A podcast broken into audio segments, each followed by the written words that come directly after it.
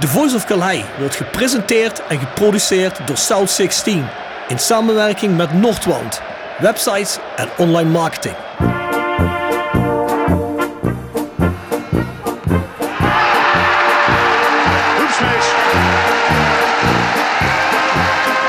De combinatie Smeets, Smeets slaat toe. Zijn derde doelpunt in de beker. Heinze legt een planttafel op Van Loen. En die heeft 2-0 op de schoen. Wat een blunder van Jan Heinze. En wat is John van Loen blij.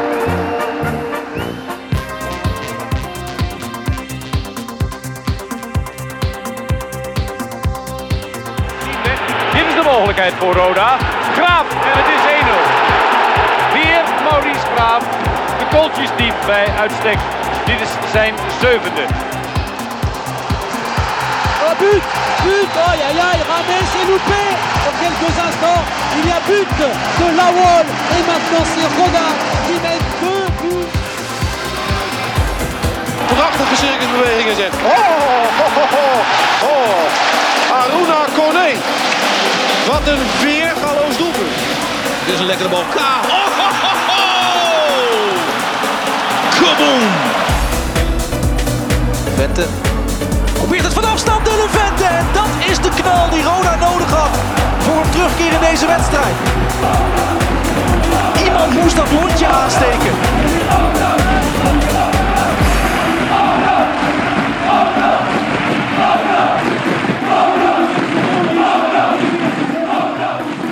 Dit is Mark Luipers en je luistert naar The Voice of Calais.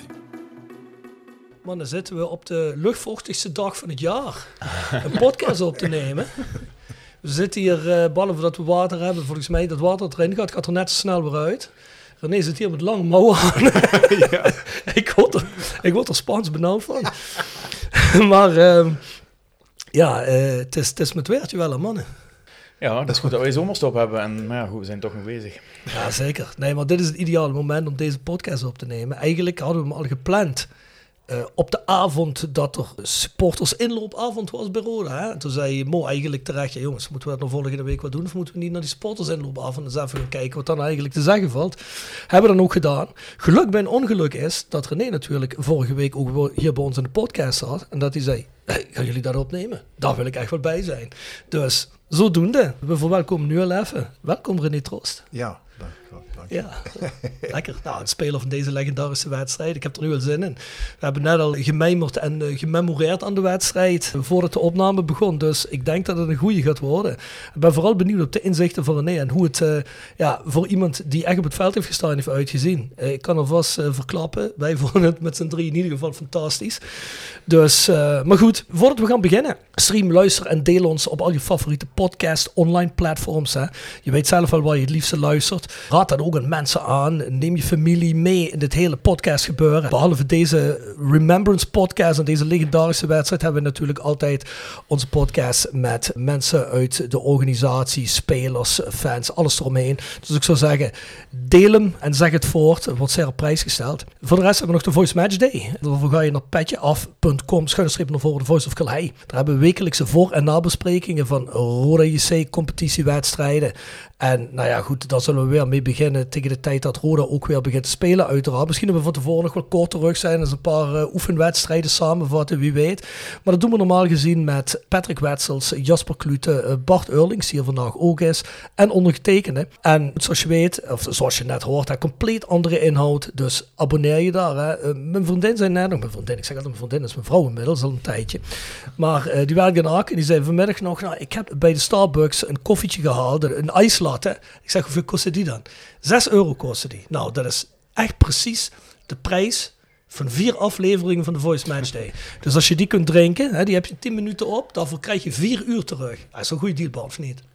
Wij doen er langer dan een uur over, toch, per uitzending? Nou, misschien, oké, okay, ik heb vier, vier en een half uur krijg je ervoor terug. nog meer, nog meer. Nog meer, nog meer. Dus ik zou zeggen, ga je abonneren op The Voice Day op petjeaf.com, schuine streep naar voren, The Voice of Calais. Voor de rest, south16.com webshop. Ja, ik weet niet of je het misschien al gemist hebt, waarschijnlijk wel, want dit wordt pas uitgezonden in augustus. En we zitten in juni en mij druipt echt het zweet van de voorhoofd, dat is niet normaal. Daar hebben wij met Kerkel Tropical hebben een kleine collectie uitgebracht, de Groetjes uit Parkstad collectie, met al jullie favoriete helden uit uh, Kerkraden. Mooie slippers hebben en vissershoedjes. Dus als je ze gemist hebt en ze zouden eventueel nog ergens in een webshop staan bij ons, dat zou zomaar toevallig kunnen. Ga ze halen, anders ben je te laat. Nou ja, goed, dan pak je wat er, eh, wat er dan in staat. Voor de rest, wij zijn en het Roda Museum kun je fysiek zowel als online bezoeken. Hè? Uh, of het nou het prikbord is, of het nou de nieuwtjes zijn, of dat je via wijzenrodc.nl ook deze podcast streamt, of dat je naar de Orlando Passage gaat voor het Roda Museum. Voor de rest hebben we nog een e-mailadres, voiceofclay.16.com en dan mag je uiteraard al je suggesties heen sturen voor het komend seizoen, of je scheldpartijen, of ook gewoon je frustraties. Dat doen een aantal mensen regelmatig. En we hadden eind vorig seizoen al gezegd, gaan toch eens een uitzending besteden om gewoon eens heel eventjes dat allemaal door te nemen, wat mensen zo aan feedback geven en hun frustraties, om daar eens uh, wat commentaar op te geven. En dat wat toe te lichten, want er staan ook vaak vragen bij in ons. Tip van de week. Voetbaltrips.com presenteert de tip van de week. Voetbaltrips.com is de best beoordeelde aanbieder van voetbaltickets en reizen door heel Europa. Of je nou op zoek bent naar losse tickets voor Dortmund of een complete reis naar Barcelona. Met de kortingscode TVOK10 krijg je 10 euro korting per persoon op het complete assortiment. Ga snel naar voetbaltrips.com en boek jouw voordelige droomreis. Tevens gepresenteerd door Jegers Advocaten. De Berenbroeklaan 12 in Heerlen. Hart voor weinig, nooit chagrijnig. www.jegersadvocaten.nl En Nextdoor Kapsalon, Nagel en Beauty Salon op de locht 44A8 te Kerkrade. Ja, onze tip van de week is deze week Brentford versus AFC Bournemouth. Dat is een Premier League wedstrijd op zaterdag 2 september 2023. Om 3 uur begint die en die vindt plaats in het Brentford Community Stadium in Londen. Ja, waarom tippen we die? Nou ja, Mark Vlekken hè? Nieuw bakken Brentford keeper. Goede kans dat hij daar vaste doelman wordt. Nou ja, goed, Mark Vlekken in de Prem. Jong van Bochus. Jong uit de Rode Jeugd. Heb jij die jongen nog meegemaakt met de Rode zeker, Jeugd? Ja, was ik hoofdopleidingen. Ah ja? Ja. En was Ja. hij toen al zo... eh, Ja, goede keeper. Ja? Keeper. Hij is tot eh, onder 15 denk ik gebleven. Onder 14, onder 15. Ja, en in die tijd eh ja, Longte Alemannia. Die speelde toen, eh, ik denk Bundesliga of misschien Tweede Liga. En want op, aan, aan zich heeft hij bij ons gewoon, hij keepte altijd, maar hij wilde toch graag naar Aken. En toen is hij naar Aken gegaan, ja, de rest is geschiedenis. Maar het is niet... Had jij gedacht dat hij de Premier League zou worden? Nee, natuurlijk niet. Ik bedoel, ja, hij was wel heel talentvol, dat wel. Maar ja, goed, als je 15 bent, ja, dan is, vind ik het een beetje te makkelijk om nu te zeggen, ja, dat hadden we gezien. Ja, ja. Was wel een hele goede keeper, dat eh, was duidelijk. Eh, Maar goed, echt, stapje voor stapje gegaan ook eigenlijk, hè? Ja, Tijdje het ook heeft- echt tweede liga ja, gezien het heeft echt wel een tijdje geduurd. Je kunt het een beetje vergelijken met Roel Brouwers, denk ik. Ja. Weet je, eh, je gaat ergens naartoe, een stapje hoger. En eh, blijkbaar is Mark toch in staat geweest om zich aan te passen aan het Mm. hogere niveau. En dat ook aan, aan, te aan te meten, zeg maar. En dan vervolgens daar zelfs bovenuit te stijgen en weer een stap te zetten. Ah, dat, is, dat, is, dat vind ik talent dus. En dat vond Ja. ik bij Brouwers ook. hè. Ik bedoel, die ging ook eerst in de tweede Bundesliga of derde Bundesliga, denk ik zelfs. En hij is dan, eh, dan ging hij naar Gladbach, die speelde toen ook nog tweede Bundesliga. Nou, en dan denk je, ja, dan zal hij het wel moeilijk krijgen, want die moest eigenlijk voor het kampioenschap gaan. Maar daar komt hij ook in de basis na verloop van tijd. En dat is bij Mark het precies hetzelfde geweest. Ja. Die weg ter geleidelijkheid is vaak beter dan iemand die meteen... Hoe vaak maken mensen niet die, die grote stap en vallen dan eh, eigenlijk door de mand, hè? Weet je, de juiste mensen om je heen hebben hè, en luisteren Mm. naar de mensen. eh, ook de ouders bijvoorbeeld. dat was bij Roel ook zo. En ik denk bij Mark ook. Gewoon, weet je, gewoon rustig blijven. Niet, eh, niet je meteen gek laten maken. Gewoon eens een aantal, een, langere periode gewoon eh, stabiel zijn. En dan, dan komt de rest vanzelf. Ja. En een keeper, ja goed, een keeper gaat toch wat langer mee. Dus dat is ook helemaal niet zo erg. Mm. Ja, ik moet zeggen, het is razend knap. Hij is een tijdje geleden, was hij nog een keer bij ons bij de jeugd. En dan neemt ook alle tijd. Ja, het is echt een fijne kerel ook. Top, mooi. Ja. Dus dat is een goede tip. Ja, dat is een, is een, een hele, hele goede tip. Goed. Nou, allemaal gaan kijken. Boek hem op voetbaltrips.com. Iemand anders van jullie nog een tip van de week? Ik niet deze keer. Ik heb eh, de afgelopen week eh, geen tijd gehad. Niet om te lezen, niet om te kijken. Nou, eh, René, misschien kunnen we Moos een wijn tippen deze week. Wat denk jij? Hij is wel ja, lekker, dat is hè? wel lekker. Ja. Wat is voor wijn, Mo? Of wat, René? En maar. Valpolicella, dus dat is, maar dat is een prima wijntje. Ja, mooi. Jong, zie ik, 2021, dat wel, maar lekker. Goed. Wat, wa- wat is het voor eh wijngaard? Waar kunnen mensen hem aanschaffen als ze willen? Hoe heet dat ding? Anti, eh anti, anti, anti-caviti. Anticaviti. Oké. Anti-caviti. Ja, goed. Lekker wijntje.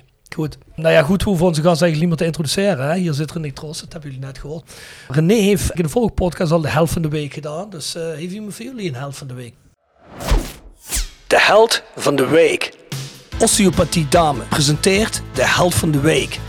Osteopathie Dame. Praktijk voor osteopathie en kinderosteopathie.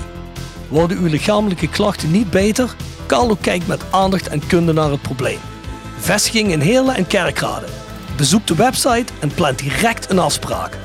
osteopathiedame.nl Tevens gesteund door Roda Support. Roda Support, het uitzendbureau voor en door Rode supporters. Voor tijdelijk en vast werk bij een van onze mooie opdrachtgevers. Check www.rodesupport.nl voor meer informatie en onze nieuwste vacatures. En Klebenjuristen. Heb je een parkeer- of verkeersboete ontvangen en ben je het hier niet mee eens? Wij vechten deze gratis voor jou aan. Dien daarom nu je boete in op klebu.nl. Tevens gesteund door Stichting Vrienden van Roda JC. Ik moet nog even de, wennen aan een nieuwe rubriek, eh, Rob. De helft van de week, wat is dat? Nou, de helft van de week is de helft van de week. Hebben we geen helft van de week? Nee, niet dat ik weet. Er gebeurt op dit moment ook eigenlijk natuurlijk erg weinig. Hè? Nou ja, het mag ook een niet-voetbalheld zijn natuurlijk. Hè? Of heb jij een tweede, René? Niet zo, nee. Ik, ik, ik, ik, ik vond wel leuk dat Talon Griekspoor uh, toernooi in Rosmalen won. Tennis. Wie? Talon Griekspoor. Wie is dat? Een Nederlandse tennisser, top 30 nu inmiddels hoor. Dus, uh, oh, hoe heet hij? Talon Griekspoor. Talon Griekspoor. Ja. Oké. Okay. Die heb ik vorig jaar op Wimbledon gezien. Ja, klopt. Uh, ja. ja, mooi. Ah, Talon Griekspoor. Is dat eens wat anders dan Lutzar El Geertruida? Lutzar El Geertruida, ja. Ja, Lutzar El Geertruida, ja, ja. ja. ik vraag me dan altijd af, kom je aan zo, nou, geen idee. ja, dat weet ik ook niet. Dat weet ik ook niet. Je ouders zullen een bepaalde kom af hebben, ik heb geen idee, maar uh, ondertussen zweet ik weg. Maar, nou, die is dan uh, helft van de week. Hoe heet die ook alweer? Talon Griekspoor. Talon Griekspoor, mooi. Ja mannen, laten we eens gaan beginnen aan die wedstrijd. Want we hadden gezegd, wij willen best wel een keer een, uh, een legendarische rode wedstrijd bespreken. Misschien als dat, uh, als dat goed gaat en jullie vinden het top, dan gaan we dat binnenkort misschien een tweede keer doen. Of binnenkort in ieder geval naar een bepaalde tijd. En ja, ik moet heel eerlijk zeggen, ik heb het idee een beetje gejat van de Studio Socrates podcast. Daar ben ik eigenlijk een tijdje aan verslaafd geweest vorig jaar rond deze tijd. Ik was aan het verhuizen en ik was veel aan het huis aan doen. En ik moest een podcast hebben die ik maar door kon luisteren. Ik werd getipt door iemand op die Studio Socrates podcast. Ik heb hem inmiddels ook al een paar keer, volgens mij al twee keer hier als tip van de week gegeven vorig jaar. Die doen onder andere dit wat wij vandaag gaan doen. Die uh, pakken een wedstrijd, een legendarische wedstrijd voor hun en die gaan die helemaal analyseren. Maar vooral echt de romantische kant van het geheel. Uh, ze kijken naar de wedstrijd, maar ze kijken eigenlijk naar alles. Hoe vond dat nou plaats, onder welke omstandigheden, de shirts, wat was de tijd waarin het gespeeld werd en hoe paste die wedstrijd in de tijd. Um, de verslaggeving, alles. En ik vond, ik vond dat altijd zo'n mooie, geromantiseerde podcast van voetbal. Eigenlijk alles wat voetbal zo'n beetje mooi maakt. Ik denk, dat verdienen rode wedstrijden ook. En omdat ik weet dat bij Studio Socrates het nooit gaat gebeuren dat daar een rode wedstrijd langskomt, dacht ik, ja, wie anders dan wij gaat het dan doen? Dus bij deze, en wat hebben we uitgekozen? Rode IC Sredet Sofia. Nou, we gaan het op de volgende manier doen. We gaan bekijken, en dat, ook dat is gejat bij Studio Socrates. Maar misschien dat we dat wellicht de volgende keer anders gaan doen. Maar ik moest een begin hebben. Uh, we gaan kijken naar wie viel het meeste op in de wedstrijd. Welk beeld moeten we bijstellen na de wedstrijd van de wedstrijd zoals wij hem op het netvlies hadden? En als we iets mogen meenemen naar het heden, wat zou dat dan zijn? Nou, die vragen gaan we straks beantwoorden. Maar nogmaals, wij gaan dus praten over Rode JC CFKA Schredets Sofia. Nou, je zult zeggen, wacht eens even, heette die club niet CSK Sofia? En dan zo heette die ervoor en daarna. Die club een tijdje, mochten die uh, niet CSK Sofia heten, dat had te maken met volgens mij een van de schandalen in het voetbal. Dat had te maken volgens mij met een bekerfinale die tussen Levski Sofia en CSK werd gespeeld. Levski Sofia heeft zich ook om moeten benoemen en die mochten die naam niet meer dragen. Levski Sofia moest zich naar Vitoska Sofia ombenoemen. Ja, Mo, heb je, spring er maar in als je Nee, nee, ga maar, vertel me even af, want dat, het heeft nog wat recente historie ook nog uh, oh, dat, kan laat. dat klopt. Ik heb inmiddels door het spelen met de band in Sofia, ik best goede connectie met een paar jongens van CSK. En die ultras die zeggen, CSK is CSK niet meer. Dus uh, wij gaan niet meer. Dus ze zeggen een heel andere club, maar dat zal Mo zo meteen waarschijnlijk wel even toelichten. Nou ja, goed, CSK kom je vaker tegen. Hè? Het Europese voetbal, dat is vooral de tijd van uh, dat alles achter het ijzergordijn plaatsvond. Zijn alle clubs die met CSK beginnen, eigenlijk legerclubs. Hè? Die heb je ook in Moskou, heb je die CSK Moskou. Die bestaan ook nog altijd, ook roemruchte club in het uh, Europese voetbal. En ja, daar spelen we dus tegen. Vindt plaats op 15 maart 1989. Dus dat zijn wel getallen, René, net even uitgerekend. Een dikke 34 jaar geleden. Um, er waren 18.000 toeschouwers. Dat wil zeggen, Stadion Kaleide was niet helemaal uitverkocht. Maar het, het zat echt heel erg vol. En uh, ja, goed, zoals al gezegd, hè, Stadion Kalheide, mooi oldschool. Ik kan zeggen, als je de wedstrijd terugkijkt, is het stadion donkerder dan dat je eigenlijk denkt dat het was. Wat wil zeggen dat de lichtmasten waren allemaal mooi, die zijn geromantiseerd, maar ja, je kon nog net de bal zien op het veld. Overdrijf ik het even, ik exageer. Hè? Maar het, het, het, was, het was wel erg donker daar. Ja, maar vul even aan uh, voordat we gaan beginnen, want volgens mij heb je nog Ik, heb, ik heb niet alle details meer voor ogen, maar ik weet wel dat, dat, dat een van die uh, eh, CSK, zoals ze weer op een gegeven moment bestonden, uh, daar is weer van alles mee gebeurd. die zijn teruggezet naar de derde liga of zo.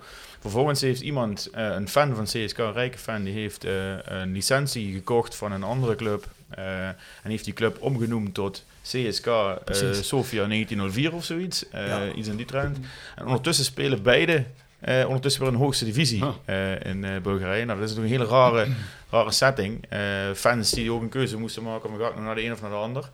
Um, en ondertussen is volgens mij wel die zelfs nummer 1 en 2 geëindigd. Of die spelen een bekerfinale zo tegen elkaar. Hele rare... Uh, ja, het is heel bizar. Zoals, zoals ik zei, ik ken altijd jongens uit, uh, uit het actieve fangebeuren daar. Ik ben zelfs mee geweest een keer naar een uitwedstrijd met z'n plofdief toen we een day off hadden in uh, Sofia. Dat is ook best wel een ereignis. Komt weer Bart, even een Duits ding tussen. Mooi Duits Ja, maar die jongens zeggen ook allemaal, kijk, en dat is precies zoals Mo zegt, een of andere rijke stinkert heeft dat opgekocht. Dat was volgens mij de club die op dat moment ook kampioen was in, uh, in Bulgarije. Ze hebben, eh, iemand heeft gewoon de, de meest succesvolle club, behalve Levski, hebben ze gekocht. Ja, ja. Want Levski en CSK is natuurlijk water en vuur. Maar uh, ja, onder het motto, jullie heten nu CSK en uh, dit is het nu. Dat is zo alsof uh, straks... Uh, hoe heet? Koster en Roger bedoel je? Roger. Dat u nu Ajax kopen en zeggen, dit is Roda. ik zie het ze niet zo heel snel doen. Nee, nee ik zie het ook niet zo heel snel doen. Maar goed, maar da dat is ongeveer het, het verhaal. Maar als we nu naar die wedstrijd gaan kijken, hè, waarom hebben we deze wedstrijd uitgezocht? Ja, als, als jullie zouden zeggen waarom deze wedstrijd, waarom dan? Moet beginnen. Ja, en ik kan daar nog iets meer vertellen over waar ik was tijdens die wedstrijd. Want ik was niet in het stadion, uh, moet ik je vertellen. Dat hield hij nu even spannend gisteren, hè? Het is ja, spannend. Zeggen, was hij erbij? Zeg, ik, ga, ik, ga ik morgen vertellen, zei hij. Hij moet op politiebureau nou ja, gezeten hebben of, of bij, je, bij vriendinnetje. Was, uh, ik was tien jaar, toen hoorde ik tegen Guimarães spelen. Daar ben ik geweest met, uh, met een vriendje uh, en diens, diens ouders. Um, en vervolgens ook tegen Garkov. Ja, op dat moment, dat was eigenlijk de periode dat ik net begon te gaan. Ik ging vanaf mijn negen of zo naar Roda en dan uh, speel je de bekerfinale in, in 88.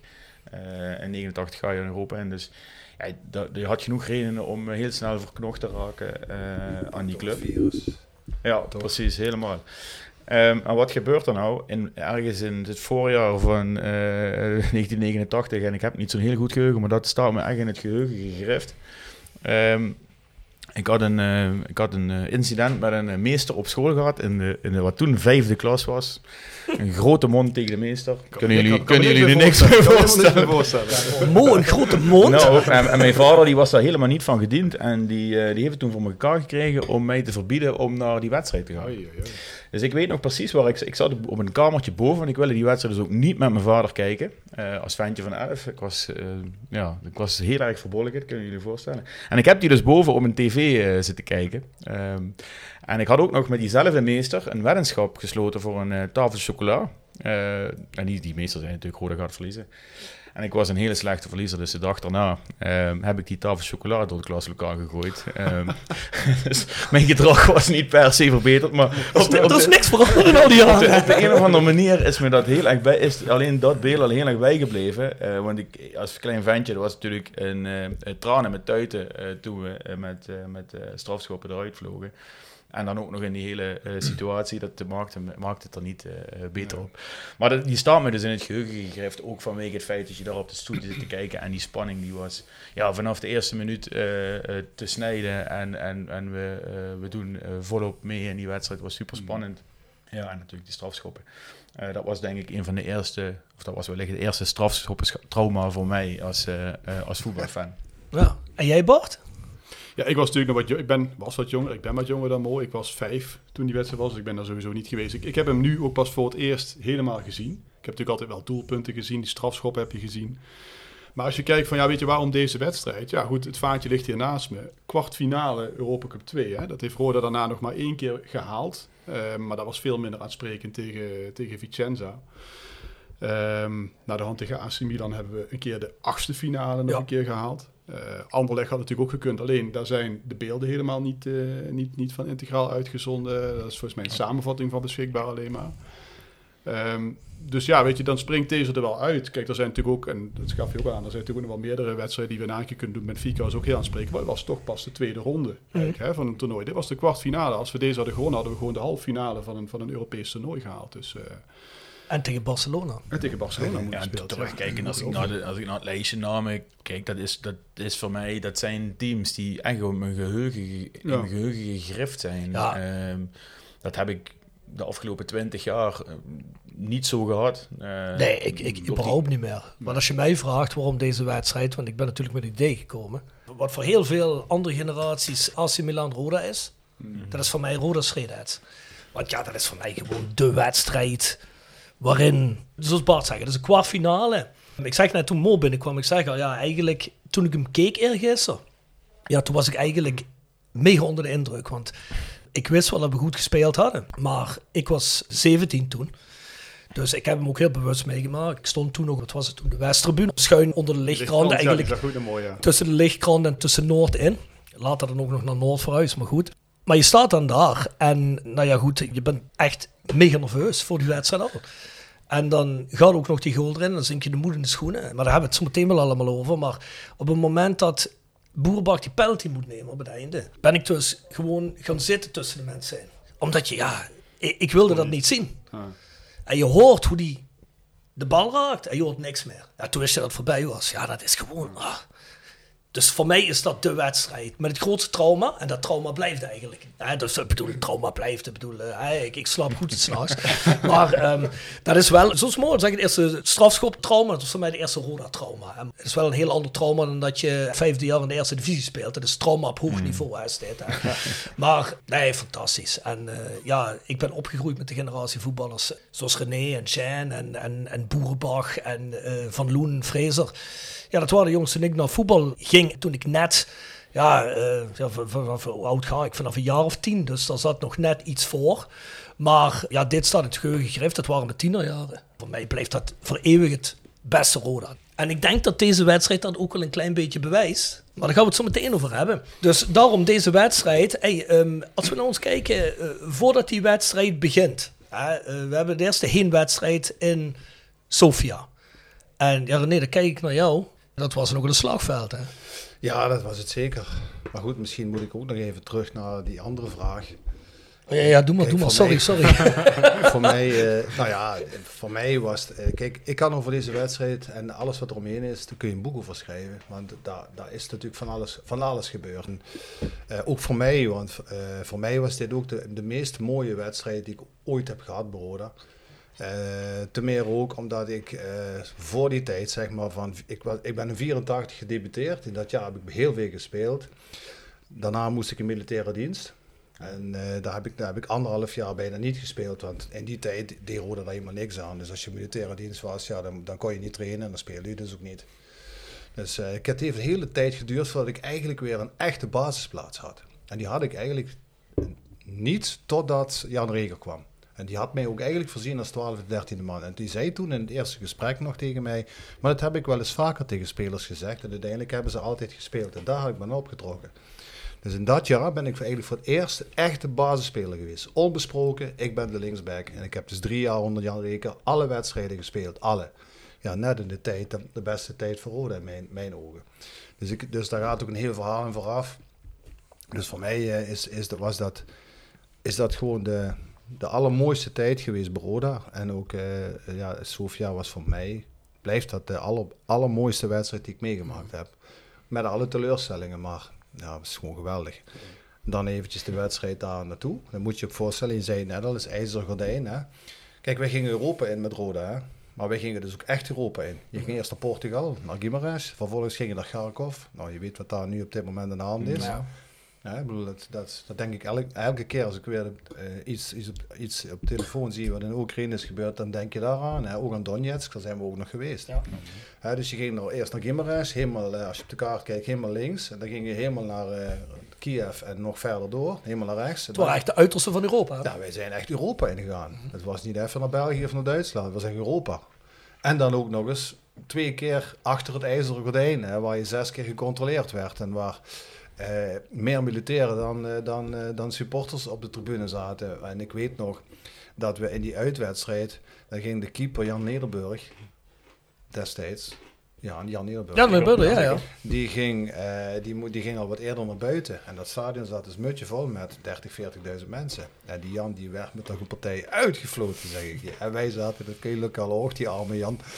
Maar ja, dat was natuurlijk op zich ook wel wat chic. Eh, dus, eh, Het was een beetje een Rocky-film, hè, wat dat betreft. Ja, ik zie dat nog zo helemaal Oost tegen, tegen West, hè? Ja, dat was het ook. Dat was echt, eh, ja, een bepaalde haat. Ook wel, denk ik, toch wel van, we, willen die, we laten die eens even zien wat we kunnen. Kapitalisten.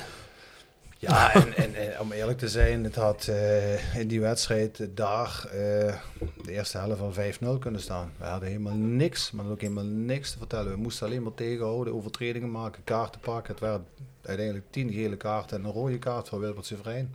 Zelfs de keeper kreeg een kaart. Dat was echt eh, ongelooflijk. Dus ja, dat was een hele zware wedstrijd. Waarbij Michel Boerenbach dan, eh, ook weer Boerenbach, dan de laatste vijf minuten één vrije trapje krijgt van een metertje 25. En die schopt hij zo de kruising in. En, eh, Dat was wel het rode van toen, vond ik. Ja. Dat, dat, dat dat soort dingen... Met tien man, hè? Ja, maar, ja, maar dat dat soort man. kansen wel gepakt werden. Hè, later had je dat ook... Eerst had je Boerenbach.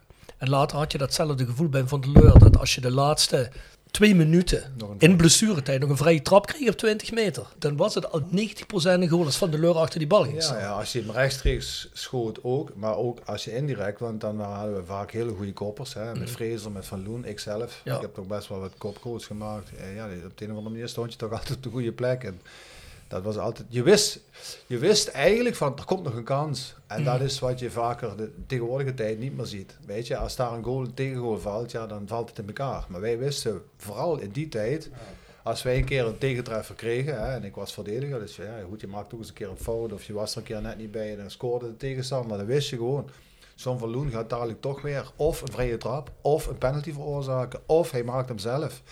En dat gaf je vertrouwen, daardoor bleef je doorgaan. Je wist, het komt goed, we krijgen nog kansen. Ja, weet je wat het gek is, René? Precies dat voelde je als je keek ook. Ja. Dat meen ik echt serieus. Dat, dat, dat voel je, dat heb ik al vaker gezegd in de podcast. En dat is niet omdat het Calais is. Dat was ook later, is het ook wel een paar jaar in het PLS geweest. Maar op Calais had je dat echt heel vaak. Dat je wist, hier komt nog iets of dit is niet verloren. hè?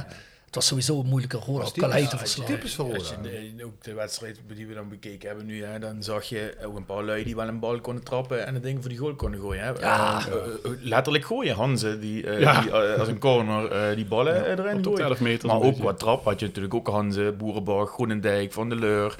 Eh, allemaal lui die wel een eh, slinger aan het ding kon. eh, Ja, kon Zeker. Groenendijk ook. En, Geweldig. ja, talent. ja, ja. en dan heb je dan eh, in dit geval een Michel Haan en een, eh, en een eh, Van Loen daar eh, rondhuppelen. Ja, Ja, ja, je ja. zag waar dat toe leidde. Fantastisch. Ik Echt weet wel dat wij toen, eh, toen we terugvlogen, ja, de kranten natuurlijk de dag daarna, nou, we werden dus met de grond gelijk gemaakt hè, door heel Nederland. Hè. Ja, dat Ja, kwam nee, het, het Joep van Hek. Joep, Joep van het Hek. van, ik zag het hele stadion hing vol met Ja, Joep van het Hek spandoeken. Ken je dat Ja, ik, ik, nou, nee, ik ken Nee, het ik heb het ook ik zag, ik, ik zag afgevraagd. wel Ik heb het ook hier staan. Ik, eh, kende dat verhaal wel. Eh, Joep van het Hek. Joep, hou je bek. Die heeft, eh, na die wedstrijd heeft hij eigenlijk Joep van het Hek, hou je bek. Heeft, hij geroepen, eh, hadden ze, eh, na die, dat, het schan- dat het een schandaal was en dat ze eh, dat stukje Nederland maar aan Duitsland hadden moeten geven. Ja, Ja? dus, eh, d- dus ik, ik zag gisteren ook, je ziet overal, ja, ja. je hebt het net de tekst. Kan je genoeg Joep- voetbal spelen en zo. zag ik, Joep, Joep van het Hek zou nu gecanceld zijn geweest als hij dat had. NSC, Joep van het Hek, rotkop. hele, hele goede teksten trouwens. Lul- maar, lul- Lul 1.0 of zoiets. Zou je ook nog... eh, Geen ja. gelul. Nee, geen gelul. 1-0. Ja, geen gelul 1-0. Ja, want dat zou natuurlijk genoeg zijn voor uh, te Ja, oké, maar gezien het andere spandoeken had ik misschien het idee dat het nog wel. Nee, nee, nee, nee. Nee? Nee, dat denk ik niet. Mm. Maar René, nog heel even over die heenwedstrijd. De commentator zei, want ik kon me dat niet meer precies herinneren, dat dat eigenlijk begon dat hele kaartengebeuren met Ivanov die een opstootje had met Van Loen in de heenwedstrijd. En dat dat eigenlijk een ketteringreactie eh, was tot het verharden van de wedstrijd. Oh, dat, ook, dat weet ik niet meer precies, maar dat zou best kunnen. Kijk, Son van was toch iemand, hij was toch wel vaak een aanstichter, hè? Die, eh, maar, die, die, maar die ook incasseerde. Dan zou je, als je, als je praat over incasseren, dan, moet je, dan zou je de wedstrijd Gimares-Roda nou eens moeten kijken. De die Son van Loen daar heeft gekregen, de schoppen, dat, dat is onvoorstelbaar. Dat hij elke keer weer opstond, is voor mij onvoorstelbaar. Dat vind ik dus het mooie aan voetbal in de jaren 80 en 90. Hè? En daarom is dat ook, als wij, als wij, als wij in die podcast zitten, dan zijn we misschien jongere mensen zullen zeggen, waar hebben ze het over? Maar daar zijn we misschien te oud voor. Wij zijn opgegroeid met dit voetbal. Wij zijn opgegroeid met voetbal. Waar John van Loen een tik in zijn gezicht kreeg en de scheidsrechter zegt verder spelen. Weet je wel? En dus niet zeiken, poetsen, weet je wel? En ja, daarom kan ik me ook zo ontzettend ergeren over een bierbekertje wat een kind laat vallen op een veld. En dat er dan, daar, daar gaan we nu niet op in op die discussie, maar ja, we komen gewoon in een hele andere tijd. Want ik heb in die wedstrijd dingen gezien. Eergisteren, want ik dacht van, die wedstrijd, daar zouden nu ook al vier man een rode kaart hebben gehad. Want ik zag, ik, zag Erik van der Leur, zag ik gewoon keihard natrappen. Maar bij die wedstrijdsrechter gewoon zeggen, ja, kom jongen, niet doen. Dat is echt niet normaal. Maar goed, laten we daar eventjes oppakken. Hè. De- dus de heenwedstrijd. Had Pierre Bledler trouwens nog gespeeld in de heenwedstrijd? Het zat even niet op mijn netvlies. Bij mij ook niet, eerlijk gezegd. Ik Want- denk het niet. Want Bledler en Diliberto zijn geblesseerd. Ja. En Wilbert Soeverein krijgt rood in de heenwedstrijd, dus die is er ook niet bij. En er staan een hele hoop jonge standen natuurlijk op scherp. Had je, heb jij trouwens geel gehad in die heenwedstrijd of niet? Ik was volgens mij de enige. enige niet dat. ja. Ja, ik, ik denk, ik denk de enige niet. René is altijd een gentleman. Ja, ja, ik denk dat ik op tijd... Ik heb ook niet zo heel veel kaarten gekregen. Ik denk dat ik gewoon op tijd wist van ja, nou moet ik het niet meer doen. Of, of het was niet nodig, ik weet het ook niet. Eh, Ik meen inderdaad, als- ja goed, dan, dan ga ik wel heel diep. Maar volgens mij was het inderdaad zoiets van eh, dat ik als enige geen kaart gehad had. En dat ik me dus 90 minuten lang vastgebeten had in Costa Dinov. Die overigens wel scoorde tegen mij met een omhaal. Kwam je in de kleedkamer en zei iedereen René. De voele piemel, waarom is ook een kaartje Ja, krijgen? zoiets ja. En heeft, heeft ehm, Reker daar ook rood gekregen? Of gewoon vanwege de algemene, algemene malaise qua, qua vetslag? eh, dat ze gezegd hebben, volgens mij heeft hij ook rood gekregen. Hè? Ja, die is ook weggestuurd. Anders kan niet, hè, want Ja. die moest op, de- dat is natuurlijk een mooi Ja. verhaal. Die moest op het dak zitten. Ja, precies. Maar het is natuurlijk ook bizar, hè? Want die UEFA, ja, hoe noem je dat? Die waarnemer. Die waarnemer, die zei dus gewoon van, nou ja, je kunt doen wat je wil. Als jij je maar op het dak blijft zitten, dan maakt het mij niet zo heel veel uit. Maar je hoort ook in het begin van de uitzending, hoor je, en dat vind ik trouwens sowieso bizar. eh, Het is is echt die tijd, is 89, moet je voorstellen, er zijn geen mobiele telefoons. Hè. Zeg, Jan Rieker communiceert via een soort apparaatje met zijn assistent Willy van de Kuilen. Met een soort apparaatje. Wij zouden gewoon zeggen, ja, dat maar zou, zou ook de reden zijn dat die man, want die man die zat ook op de Sintelbaan, hè, die UEFA waarnemer. Ja. Die, die zat tussen de dugouts in. En die zat ook gewoon, je zag die tussen de, ja, de eerste en de tweede verlenging, of ze vlak voor de verlenging. Dan kwam ook alles, dus het hele arbitrale kwartet, dat kwam bij hem staan. En die kregen dan ook instructies of zo. Dat ik denk, ja, dat is toch ook bizar nu. hè. Dat kun Ja, je nu ook niet meer nee, dat zou je nooit meer. Dat... Maar misschien zat hij dat dus ook wel om, om in de gaten te houden hoe het met die communicatie ging. Heeft hij wel niet goed gekeken, want Jan Reker zag wel, eh, tijdens de verlenging zat hij gewoon op, eh, op de hoofdtribune. Hij zat- op een hij zat gegeven een moment. interview te Is daar geven. een Ja. interview, ja? Ja, tussen dat de, is een tussen de Wat trouwens ook de bizar is, heb ik ook opgeschreven. Jan Reker komt gewoon tussen de verlenging en de penalties door, komt gewoon iemand. Dus op het meest cruciale moment van de wedstrijd. Oké, Jan Reker staat niet op het veld, maar die, die man, die, je ziet dat hij stijf staat van de spanning. En dan komt er iemand met een microfoon onder de neus. Hij, noem- hij noemde nog even de, de vijf penalty nemers. Ja, ja, ja. Ja, dat, dat, dat had Jan ook wel Dat geregeld. was Ja, ja. Ja, ik hoefde ze niet door te geven, want die jongens op de bank hadden hadden precies dezelfde, naam opgeschreven. Michel, Michel heeft een fout gemaakt en daarom moeten er nu penalties genomen worden. Eh, Ja. Ook zo'n zo'n heel vet ja, mooi, ja. Dat, komt vast nog wel nog op. want hij zei ook nog van, ik heb die vijf die goed in de wedstrijd zaten. Dan denk ik van, ja, of dat dan nou nog eh, het goede was. Ja, dat, dat zou een trainer wel denk ik nu niet meer doen. Dat hij echt zei van, nou die fout van Boerenbach moeten we nu natuurlijk penalties gaan nemen. Ik denk dat tegenwoordig dat het wat minder direct is. Dat je dat misschien denkt, maar dat je dat niet zegt. Hè, die fout. eh. Ja, dat werd wel gewoon gezegd. Dat deed Ja. Reker ook. Als je een klote wedstrijd had gespeeld en, eh, en, en hij moest commentaar geven, dan zei hij ook gewoon... eh, Ja. dat, dat, dat, ja, dat kreeg je dan, hè? ja, ja, zeker, Ja, zeker, maar zeker. je hebt zeker. het net over Willy van der Keulen. Ik bedoel, we hebben ook Willy van der Keulen als assistent. Ja, dat heb ik Ja, ook al een, hè? wat een legende. Ja.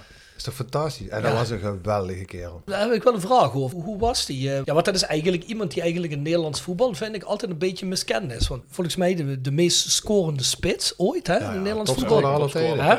het was eigenlijk een niveautje. Was een misschien- gentleman. Hij Ja, was misschien net, misschien net niet Cruijff. Op Het niveautje van Hardegem heeft hij toch wel gezeten, denk ik. kwam van een verkeerde club, denk ik, hè? Om, eh, Ja, om die, om die zuiden, hè? te kunnen krijgen. Ja. Is ook, eh, in die tijd is hij ook ja, eigenlijk min of meer weggepest hè, met een aantal jongens. Hè. Hmm.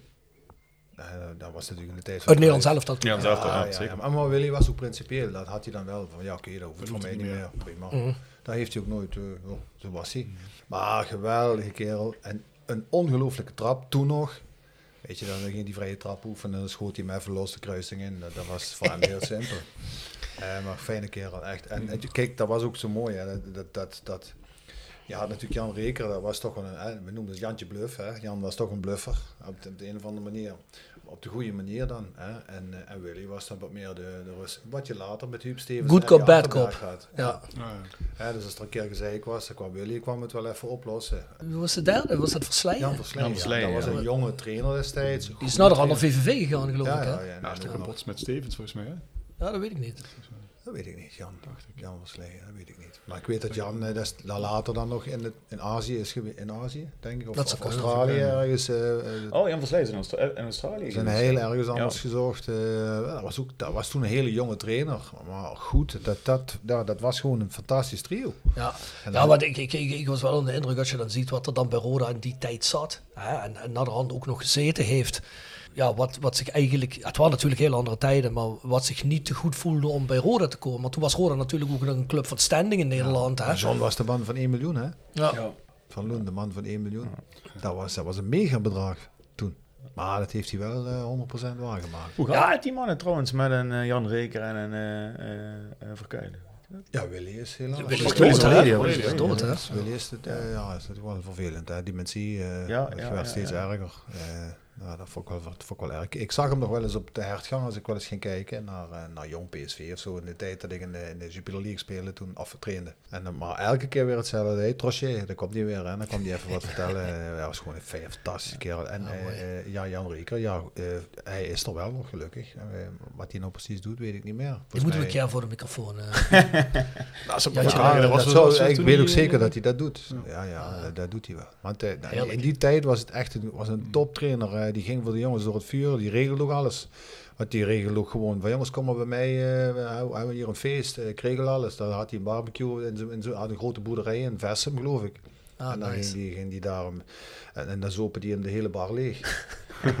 Whisky en al, interesseerde hem niet. Hè. En dan, eh, Wie zult het ja, meestal? al die jongens. eh, Kijk eens naar dat lijstje namen. dat was, dat was, de, dat was de, Ja, de- Diligence-clubje. Voor mij is Shane Hansen altijd de ergste. Nee, nee, dat was, nee, dat was zeker niet. Nee, dat, nee wat dat betreft was niet de ergste. Nee, was het niet de ergste? Nee, dat waren toch die jongens, hè, Boerenbach, ja. Groenendijk, Ja, ja. eh, Diliberto ook wel.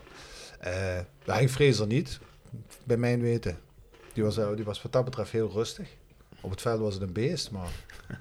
Ja, John van Loen natuurlijk. Ja, ja, ik vergeet er nog wel een paar. Erik was er ook al bij en zo. Ik, ja, ik, ik dronk toen nog alleen maar cassis. Dus als ik dan wel eens... René, René was volgens mij, de, jij was de liefste in de Ja, ik selectie. was heel lief. Als ik, als ik, als ik dan in de diligence wel eens kwam met de jongens, af en toe ging ik daar wel eens mee, want ik was daar niet altijd bij. En dan kwam ik, ik, kwam ik net binnen en dan zei die Wim Vrijens, hey, eh, dames en heren, er komt René Troost, bestel alvast een kassus, zei hij dan. Hoe lekker ja, dan. nou ja, dan stond je daar, hè. ja, verschrikkelijk. Ja. Nee, ik heb, ik, ik heb trouwens van ingewijden alles gehoord dat een kas is meer rotzooi zit dan een Coca-Cola. Ja, daar Dus, ben ik helemaal met je eens. Dat weet je ik dan. drink dat ook niet meer. ja, mij mag er niet zoveel uit. Jolis Jo wordt gepresenteerd door RodaJC.goals. Het Instagram-account voor je dagelijkse portie Roda-content. Iedere dag een doelpunt uit onze rijke historie. Van Aruna Kone tot Shane Hanze. Van Bob Peters tot Dick Nanninga. Volg RodaJC.goals op Instagram. Tevens gesteund door Metaalgieterij van Gilst. Sinds 1948 uw plek voor gietwerk in brons. Van brons, van Gilst. En Hotelrestaurant de Veilerhof. Boek een overnachting of ga heerlijk eten in het mooie bergdorpje Veilen. Voor boekingen ga naar www.veilerhof.nl. En Barber Road. Rode supporters in hart en kapsel. Ontdek Barber Road, de barbershop waar jouw passie voor Rode JC tot leven komt. Laat onze getalenteerde barbers je haar en baard verzorgen met vakmanschap en creërend look die jouw liefde voor de club uitdraagt. Word de twaalfde man met een stijlvol kapsel dat boven het maaiveld uitsteekt. Je vindt ons in Bouwbach en in het Parkstad Limburg Stadion. Boek je afspraak op www.barberroad.nl nou, laten we eens even kijken. Wat was voor de wedstrijd eigenlijk het meest opvallende? We zijn dus begonnen te kijken naar die wedstrijd. Trouwens, hartelijk dank aan Ivo Kous, die ons link Ja, heeft zeker. naar de wedstrijd.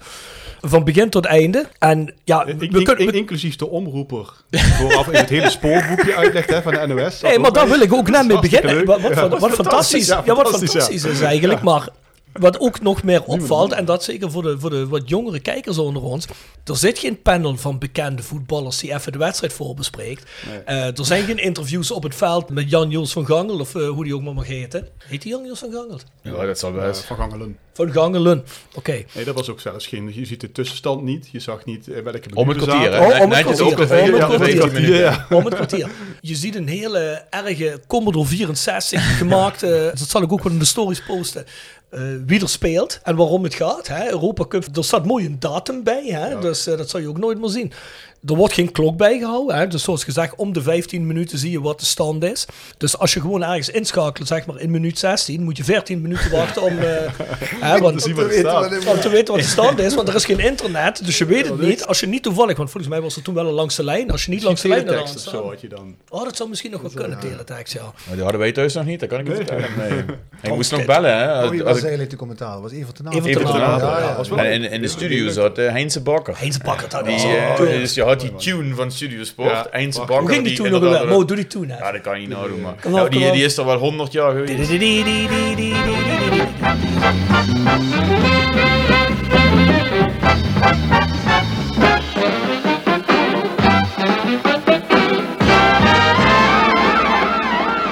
Een beetje moderner jasje wel weer terug ook, hè? Is die? Ja, ja, ja. Maar ja, dan, dan, dan binnen twee minuten eh, ben je in Stadion Kalheide en nog twee minuten later of een minuut later wordt er afgetrapt, hè? Ja, Ja, dat is geen dat- eh, voorbeschouwing. Dat of, was het eh, ook, hè? Want als je, als je niet op tijd, want ik weet nog, toen er tijd was, dat je, oké, daar was je er, hè? Maar als je gewoon een Europa Cup wedstrijd ging kijken, hè, door de week. Ja, in die tijd, dat kunnen misschien veel jongeren zich ook niet meer voorstellen. Toen werd er dus echt, ja, ik ken geen enkele jongen die niet totdat de wedstrijd begon buiten was aan voetballen. Dus dan was je voetballen tot het aller, allerlaatste moment. En dan werd er geschreven, de wedstrijd begint, kom maar in. Dan was je aan het rennen. Hè? Als je dan toch nog heel even door voetbal, dan was de wedstrijd al begonnen. Het is niet zo, hè? zoals gezegd, dat er een voorbeschouwing voor zit van drie kwartier. Met allerlei reclame. Er was überhaupt geen reclame, dat is alles één. Maar er zit dus inderdaad Heinze Bakker. Nou, dat is voor mensen die in de 80 jaren zijn opgegroeid, is dat een begrip. Dat is de, de Tom Egberts van, eh, van die tijd. En die legde dus zoals Bart zegt een spoorboekje uit. Van, eh, nou ja jongens, we beginnen met, eh met Rode Sofia. Dan gaan we in de rust gaan we een samenvatting geven van, wat was het? Milan Eh, Benfica. A- Ajax Groningen. Ja, ja, ja, ja, Ajax Groningen voor de beker en Milan tegen Werder Bremen. Oh, Werder Bremen, was? Ja, Ja. moet je voorstellen. Werder Bremen speelde toen ook kwartfinale AC Milan en volgens mij voor de Europa Cup 1. Dus die waren allebei kampioen geworden. Het mooie is echt dat hij zegt, als u wilt kunt u tot middernacht bij ons voetbal kijken. Nou ja, er was eigenlijk nog een speelfilm gepla- gepland. Speelfilm Ja. Camille. Camille, die hebben we ook geschreven, Want, ja. eh, Die, moest een maandje schuiven. Toen Roda moest gaan verlengen, kwam er heel mo- mooi in Ja. beeld. Er zat iemand waarschijnlijk een uur eh, te beitelen om dat die tekst te krijgen. Speelfilm Camille na 12 Ja, april. die bleef echt gewoon die bleef twee minuten staan of Ja, zo. ja, hè? ja. Ja, want dat is ook mooi. Ja. Dat is ook typisch voor die tijd. Hè. Dat zijn de mensen die in die tijd zijn opgegroeid, zullen zich dat herinneren. Hè. Want toen waren er ook maar drie, drie kanalen. Hè. Er was in Nederland 1, 2 en 3. Er was een eerste Belg en een tweede Belg. En er waren drie of vier Duitsers. En dan had je, kreeg je misschien nog een Fransoos. Als je geluk had, misschien BBC 1. En dat was het. En ik denk ook na tien uur of zo, dan eh, ging... Was het Ietsje later. Ja, 12 uur was het volgens mij voorbij. kwam het testbeeld, kwam nog het En- volkslied, geloof ik. Ja, en er was ook geen middag-tv. Hè. Dat begon ook op een gegeven moment pas alleen op de woensdag. Hè. En de zondag.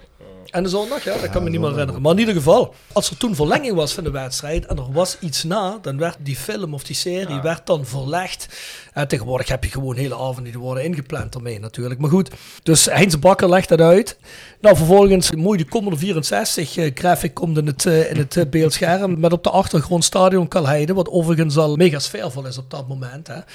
Ik weet niet wat jullie opgevallen is, maar Evert den Apel begint zijn commentaar met welkom op Kalheide. Welkom de op grens eh, het stadion van Roda JC in Kerkrade op de grens met Duitsland. Ik denk het voetbalstadion uit Nederland dat het dichtst bij de Duitse grens ligt. Of het zal al de Koel in Venlo moeten zijn waar Roda zich merkwaardig genoeg op deze Europa Cup wedstrijd heeft voorbereid. Veel sfeer in Kaalheide. waar zo'n 17, 18.000 toeschouwers zijn, denk ik. Niet het record gehaald van 1976, toen Roda voor de Europa Cup speelde tegen Anderlecht en in de eerste ronde werd uitgeschakeld. Roda dat zal proberen het geschonden blazoen van twee weken geleden in Sofia wat op te poetsen. De veldslag daar in het stadion van CSKA, die natuurlijk de afgelopen dagen toch weer onderwerp van gesprek is geweest. Hoewel trainer Jan Reker en de spelersgroep er eigenlijk liever niet meer over wilden spreken. Ik vond dat hij toch uh, een goede kennis had van de regio. Later heeft hij het over Stoichkov schiet de bal naar Chevermond. Ja, ja. Uh, en, en nog later is het... Nu gaat de bal de andere kant op richting Engelshoven. Ja, precies. Ja, en ik was echt versteld. Hij was redelijk goed bezig. Het klopt, het klopt er ook, volgens mij. het klopte qua richting niet helemaal, want die van Chevermond ging eerder richting de gracht, maar dat maakt helemaal niet uit. Gewoon het feit dat hij die wijken kent. Ik denk niet dat die clowns die er nu zitten dat nog weten. Nee, en ik, ik denk dat Everton Apel gewoon heel even op zijn kaartje heeft gekeken. en dat, ja, dat is wel netjes. Misschien, misschien had hij daar wel wat. Ja, maar trouwens, Rob, een scharreltje. Ja. ja, je weet. Rob, maar gesproken over Venlo, dat viel me ook wel op. Dat hij zei dat de voorbereiding op die wedstrijd in de kraal uh, ja, is afgewerkt. Dat jullie één of twee hij dagen... Hij bedoelde de koel, denk ik, of niet? Nee, hij, Nee, had, hij- had eigenlijk over de kraal. En toen had ook over dat groeiden de bomen inmiddels door de tribunes heen. Hij had Ja, eigenlijk over het oude stadion. oude stadion. Nu je dat zegt. Weet je nog waarom dat was? Is dat om toch te, ja...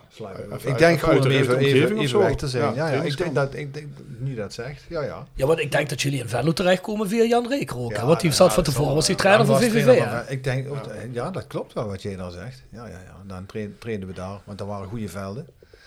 Dat stadion was mega oud natuurlijk. Ja. Dus wat je zegt, er groeiden inderdaad de bomen, door, door, door, die, door die betonnen kolossen heen. Dus Maar, dat is iets eh, voor de stadion dus wie gelaten. Vol- vol- Volgens mij ligt, Is het, er nog? ligt het er nog steeds. Ja, ja, is nu helemaal er. overwoekerd. Dat is echt... Ja, eh, dat, is is een, restaurant nog, geloof ik ook. Ja. eh. Jan Reker wilde dat dus echt voor de voorbereiding even eruit zijn, zodat jullie even konden concentreren. Ja.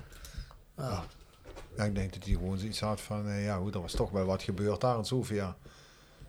Dus hij wilde toch even rust hebben. Ja.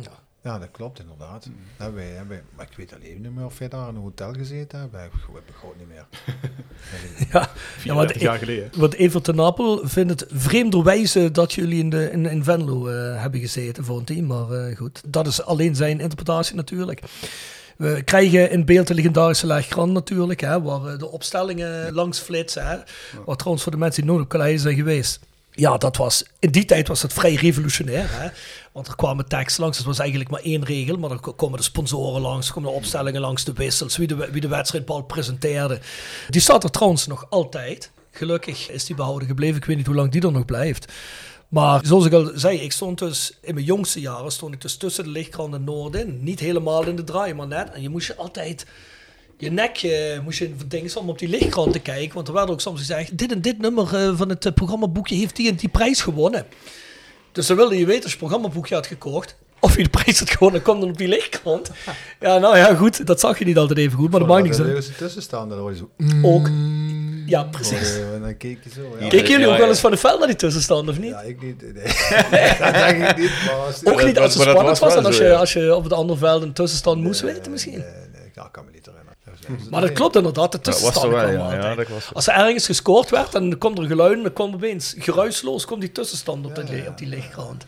Dat had je lang niet in elk stadion. Dat, dus dat was eh, vrij revolutionair voor Roda. Ja, zoals gezegd, er is al heel veel sfeer. Hè? Eigenlijk trouwens de gehele wedstrijd.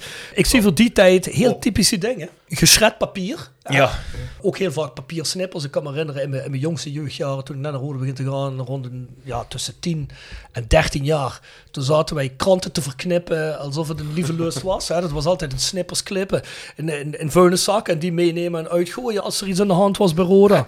En Dus ik zie heel veel geschred papier. Die shreds, dat zijn van die lange strepen. staan mensen, maar dat is heel raar, want je ziet op, op Noord zie je echt één gedeelte zie je met die shred staan en daarnaast staat een heel vak, die hebben allemaal van die kerststerretjes. Flikkersterretjes, ja. die flikkersterretjes. In die tijd in ieder geval, of in ieder geval bij die wedstrijd, geen pyrotechniek, maar eh, allemaal die dingen, vrij onschuldig. Keiharde toeters. Ja. Ja, die gastoeters, hè. Eh, eh, Ja, maar dat was, dat was normaal in die Maar, tijd. maar dat, dat moet ik eerlijk zeggen, dat kon ik mij eh. niet meer... eh, Precies dat, ik, kon me, ik kon me dat niet meer herinneren. Ehm, van überhaupt die hele tijd niet. Eh, dat dat er was.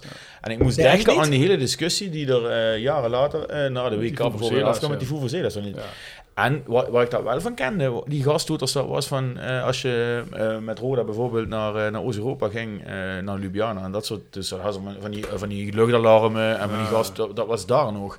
Ja, maar, maar- in, en- in en- Roda kan ik me dat niet meer... Ja, maar wat ik me ook echt niet bij Rode kan herinneren, dat, dat zal misschien ook naar de hand ook niet meer geweest zijn, maar dat tudu tudu en dan aanvallen. Ja, ja, ja, dat- ja, massaal. jawel, Ja, dat was was helemaal dat Want, want, Na het WK, hè? Na het WK dat- 88. Het Ja. huisorkest, 88. het huisorkest. was dat ja. die liepen ook gewoon in de loop van de tweede helft nog rustig rond, viel me op. Eh, Eh, sowieso heel veel sterker mensen op die nog, die liepen zelfs bij onze warming-up gewoon door ons heen. Hè. Ja, ja. Moest je, moest je, als je dan maar even wat trappen wilde, moest je over dat, over dat huisorkest gewoon het wandelen. Heeft nooit iemand geprobeerd die met te raken in het huisorkest?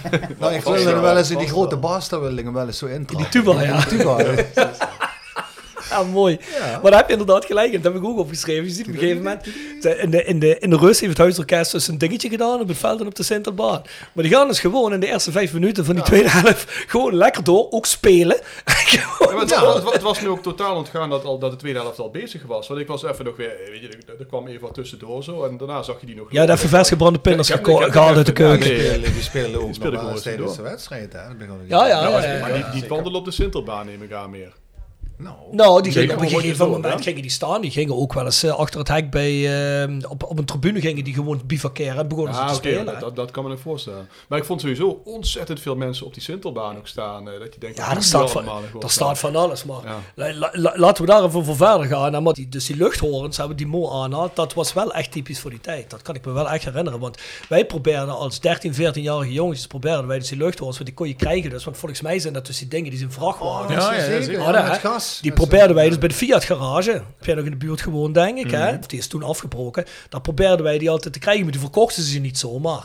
Dus die moest je op de een of andere manier... Moest je die dan, en er waren een paar jongens bij ons in het groepje. Die hadden die dan. Maar dat was wel mega irritant. Want als je ernaast stond. Dat was echt eh, keihard. Ja, ja.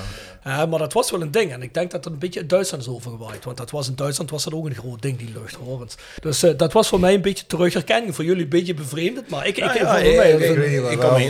ik kan me wedstrijden wel herinneren, maar die, die qua sfeer kan ik me dat, kan ik me dat niet Maar kun je je dat niet herinneren? ja, nu je het zegt weer, ja. Ja. Ik vond het wel grappig dat je de Fiat garage noemde. Waarom, waarom kreeg je die dan bij een Fiat garage dan? ja, omdat ze daar eh, auto-onderdelen verkochten. Ik heb geen idee. Ja, en daar kwamen wij langs. Als wij van, van de staat opgingen naar Calais, kwamen wij Ja. er precies langs Hubertuslaan. Dan kwamen we, st- stakken we zo door naar Calais. Dus, eh, en daar, daar aten we snoep. En het was merkwaardigerwijze de enige winkel, want hè, dat weten we van vroeger nog allemaal wel, die op zondagmiddag open was. Nu dat zondagmiddag de stad open is hier in Heerlen, ja, dat is iets van de Nee, laatste 20 niet. jaar. Dat Ik- was van tevoren Op nooit. Silvermond had je ook maar één zag, Pietje Meertens. Ja. En Pietje stond zondags achter de deur, hè, want hij wist dat het niet mocht. Hè. En dan wisten wij, als we nog iets, iets te snoepen willen hebben, ja, dan moet je naar Pietje gaan. En dan ging je dan naartoe, naar die deur, en dan stond hij achter de deur, kom maar naar binnen, zei hij dan. En dan ging je naar binnen, kon je snel wat kopen, en dan tjoep, en dan... Ja, geweldig. Ah, ik moet wel zeggen, voor die mensen die de Fiat garage runden, eh, stuur me maar een tikkie. Want volgens mij hebben, hebben, hebben we al voor honderden euro's gejat aan snoep. eh, toen we richting Roda gingen, ging er één persoon afrekenen. En dan was het altijd van, eh, ja, doe me dat ijsje. En dan gingen ze dan als een ijsding. En de rest haalde dan het snoep uit de ding. was Maar naar ja, de Fiat garage. Ongelooflijk. Kent ze die nog? Nee? Ja, ik ken die Fiat Ja, ja, garage, ja. Maar Die die is twee- afgebroken, Waren hè? die twee waren twee eh, mannen, die hebben daar jaren gezeten. Ik heb dan nog een paar Fiat's gekocht, trouwens. Ik kan herinneren. Kijk, kijk, jij hebt misschien die luchthoren gekregen. Wat me, wat me ook opviel was eh, die, eh, die tientallen zelfgemaakte eh, vlaggen, eh, spandoeken van lakens, Allemaal met hè? allemaal teksten. maar dat was ook heel typisch voor die Ja, tijd. en dat, en dat kon wel. Dat hebben we zelf ook nog gedaan. Tot midden jaren 90 Ja, eh, was ik 100%. uh, Butcher Fanatics Kerkrade Ja. vlag in de, in de kelder Ja. het spuiten. 100%. Eh, Ja, eh, zo- zo- en het tekenen met... met dorp goed Roda. Yo, yo, of- ja, Epe, Vals, ja, ik weet niet wat we allemaal gezien Ja, Va- Shin op Vals hingen er zeker een stuk of drie, vier op. Misschien heb je wel een Nederlandse, Nederlandse vlag, hè? Ja.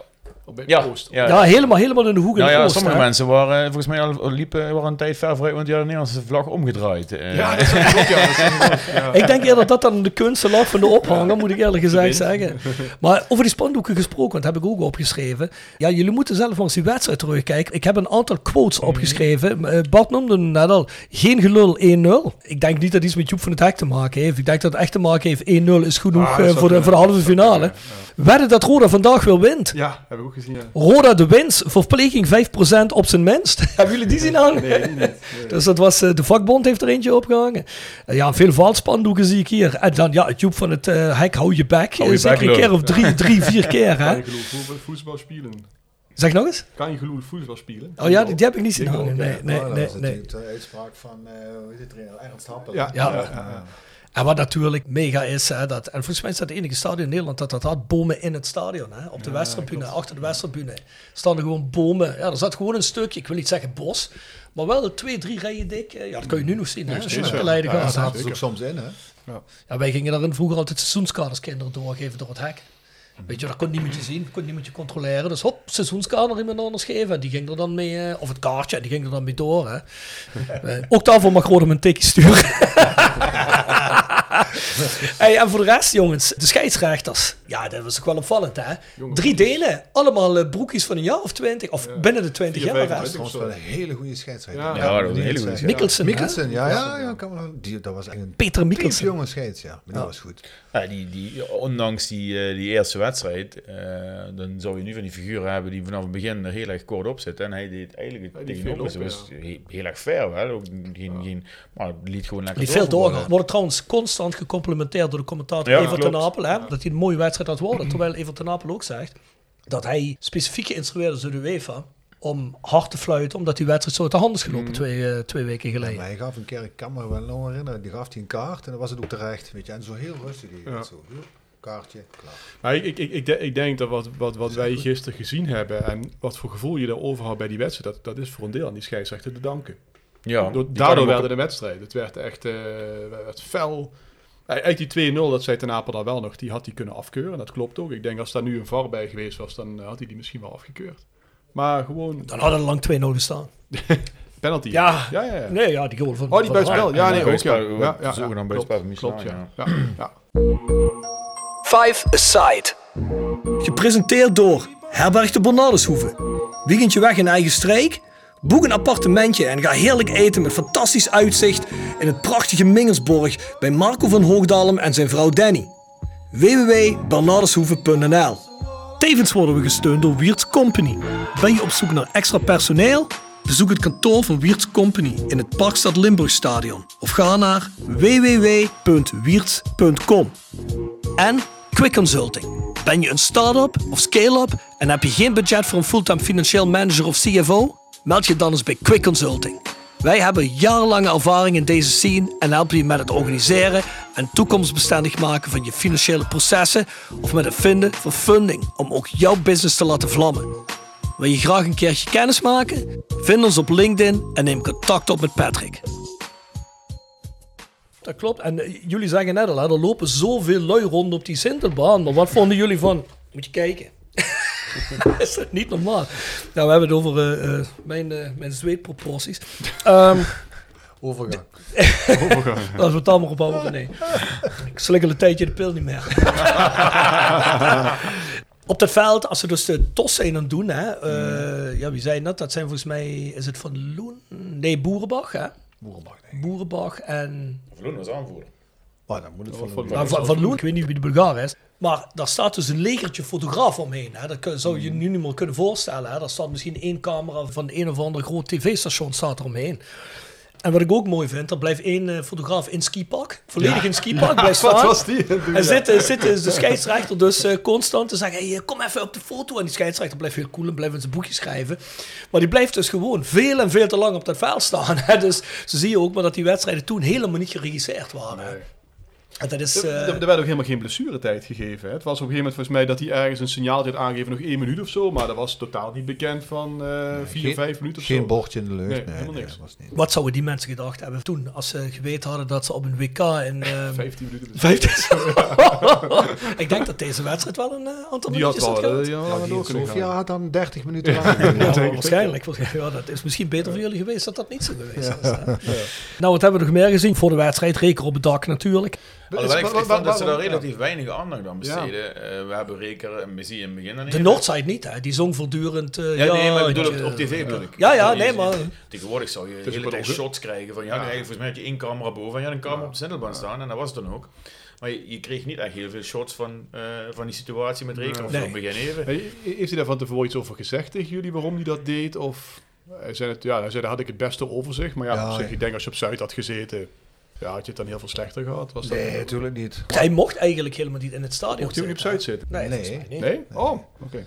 Maar ja, dat was ook wel weer Jan Reker. Hij was toch wel een, een beetje, beetje gimmick. een beetje bluff. En dan zei hij van, dan, dan ga ik toch boven op het dak zitten, zei hij dan. Ja, ja. Zo was hij. Ja, ik vind het wel mooi, want hij zei dus dat hij eigenlijk eh, aangetekend had er tegen met een brief. En dat hij zelf een brief naar de UEFA Ja. had geschreven. Dat de UEFA had gezegd, nee, daar gaan we niet aan beginnen. Dat gaat voor, tegenwoordig gaat dat allemaal officieel via clubs met gerechtshoven en weet ik veel wat allemaal. Jan Reker zegt gewoon, hey, eh, kunnen we dat niet, eh, kunnen we niet een oog dichtknijpen? dat is toch is een mooi zoiets. je zag een soort van, je zag een soort van- dat je zijn gezicht over het randje zag, hè? En, dat, en, en dat dak op Zuid is nou ook niet volgens mij dat je daar nou heel makkelijk met een overheen loopt met een stoel op het randje neerzet, toch? Of zo? Ik, weet, ik heb geen idee hoe Ja, die ja, je daar had daar die camera-positie, Ja, de dat is- camera-hoek stond ja, dat is een camera. Daar-. Zat daar hij zat- daar? daar Zat zat- hij daarin? En daar zat hij volgens mij Ja, in dat of is- bij. Dat was ook de pers, hè? Ja, Ja. precies. Boven op het dak. In dat shot zag je echt gewoon niet het zwarte dak en dan het hoofd van Reker. Ik denk, nou, is Maar ik nou, weet niet eh, of iemand alles op kan leiden dat helemaal bovenin is geweest. Ik zal er Zeker. geen wedstrijd gaan zitten hoor. Ik vind hem al link. Ja, Dus ja. eh, ik weet ook niet wat de temperatuur toen was. eh, maar volgens mij zag ik in de tweede helft ergens een, een, een, een, een beetje een, een, een, een Spraakbolletjes. adembolletje. Ja, dus eh, Nou, het zal het zal niet... ergens februari geweest vijf- zijn. vijf- Maart 15 was het, maart hè? eh, hier 15 volgens het vaartje. ja. Ja, dat kan, Ja, fris zijn. ja. Ja, voor de rest, wat ik voor de wedstrijd nog kwijt wil.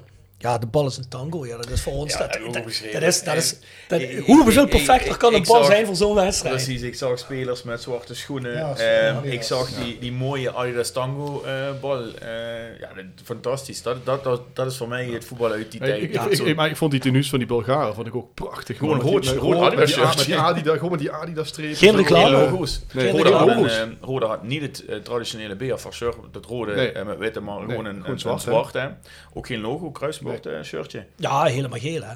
En heel licht geel. geel. hè. Ja, ja, heel licht geel. Heel- Niks van zwart eraan en ik, niet aan de sokken, niet aan de broek, niet aan niks. En dat ze in de competitie ook. Eh, maar Ja. de, de sponsor was nu in plaats van het rood-wit, was het alleen maar zwart. Volgens Nee, mij dat was het met regels te maken. Ja, ook, ja, het moest kleiner zijn. Het mocht niet zo groot zijn. Het moest kleiner zijn. En het moest volgens mij één kleur zijn. Ik vind het wel eigenlijk best wel stijlvol dat er nu op de een of andere manier al dat geel.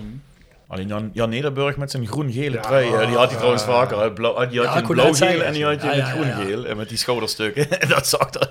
Ja, die schouderstukken. Hè. Dat, eh, wat, de- wat, de- wat, wat de meiden toen in de, in de disco's aan hadden, hè, met die hele grote schouderstukken. Dat was toen in de 80 jaren meiden met een hele grote kuif, hè, met, die schouder, met die hele grote opgevulde schouders. Dat Jan Nederburg in zijn, voetbaltrui, in zijn eh, voetbaltrui zit.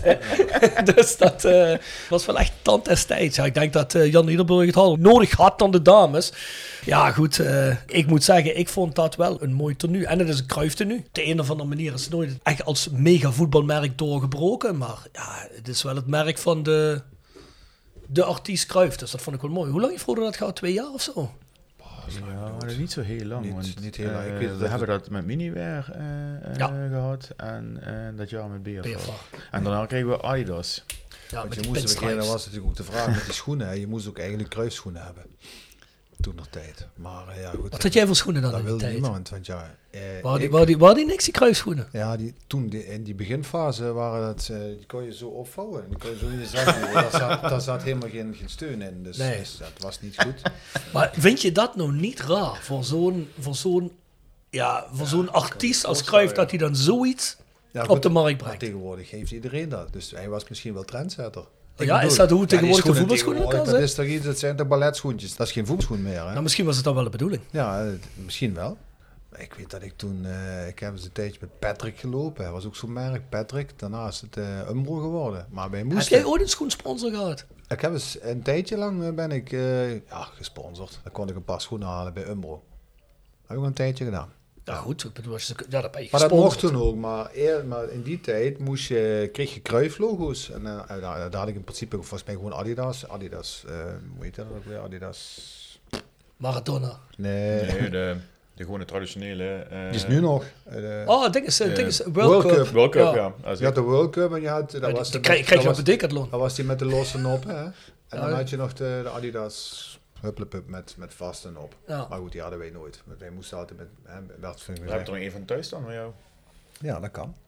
En dan deed je dat eh, Adidas, Nice. logo, Adidas logootje ervan afhalen. En dan liet je door de heer Jo Diamond.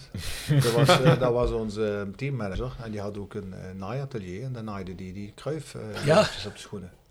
Ja. Nou ja, eh, we zeggen dat nu, hè, eh, over het jaar 1989. Maar Uh, afgelopen weekend wordt de Formule 1 gereden. Uh, en, uh, en Max Verstappen en Sergio Perez, die, die hadden tot vorig jaar Puma als, als kledingsponsor.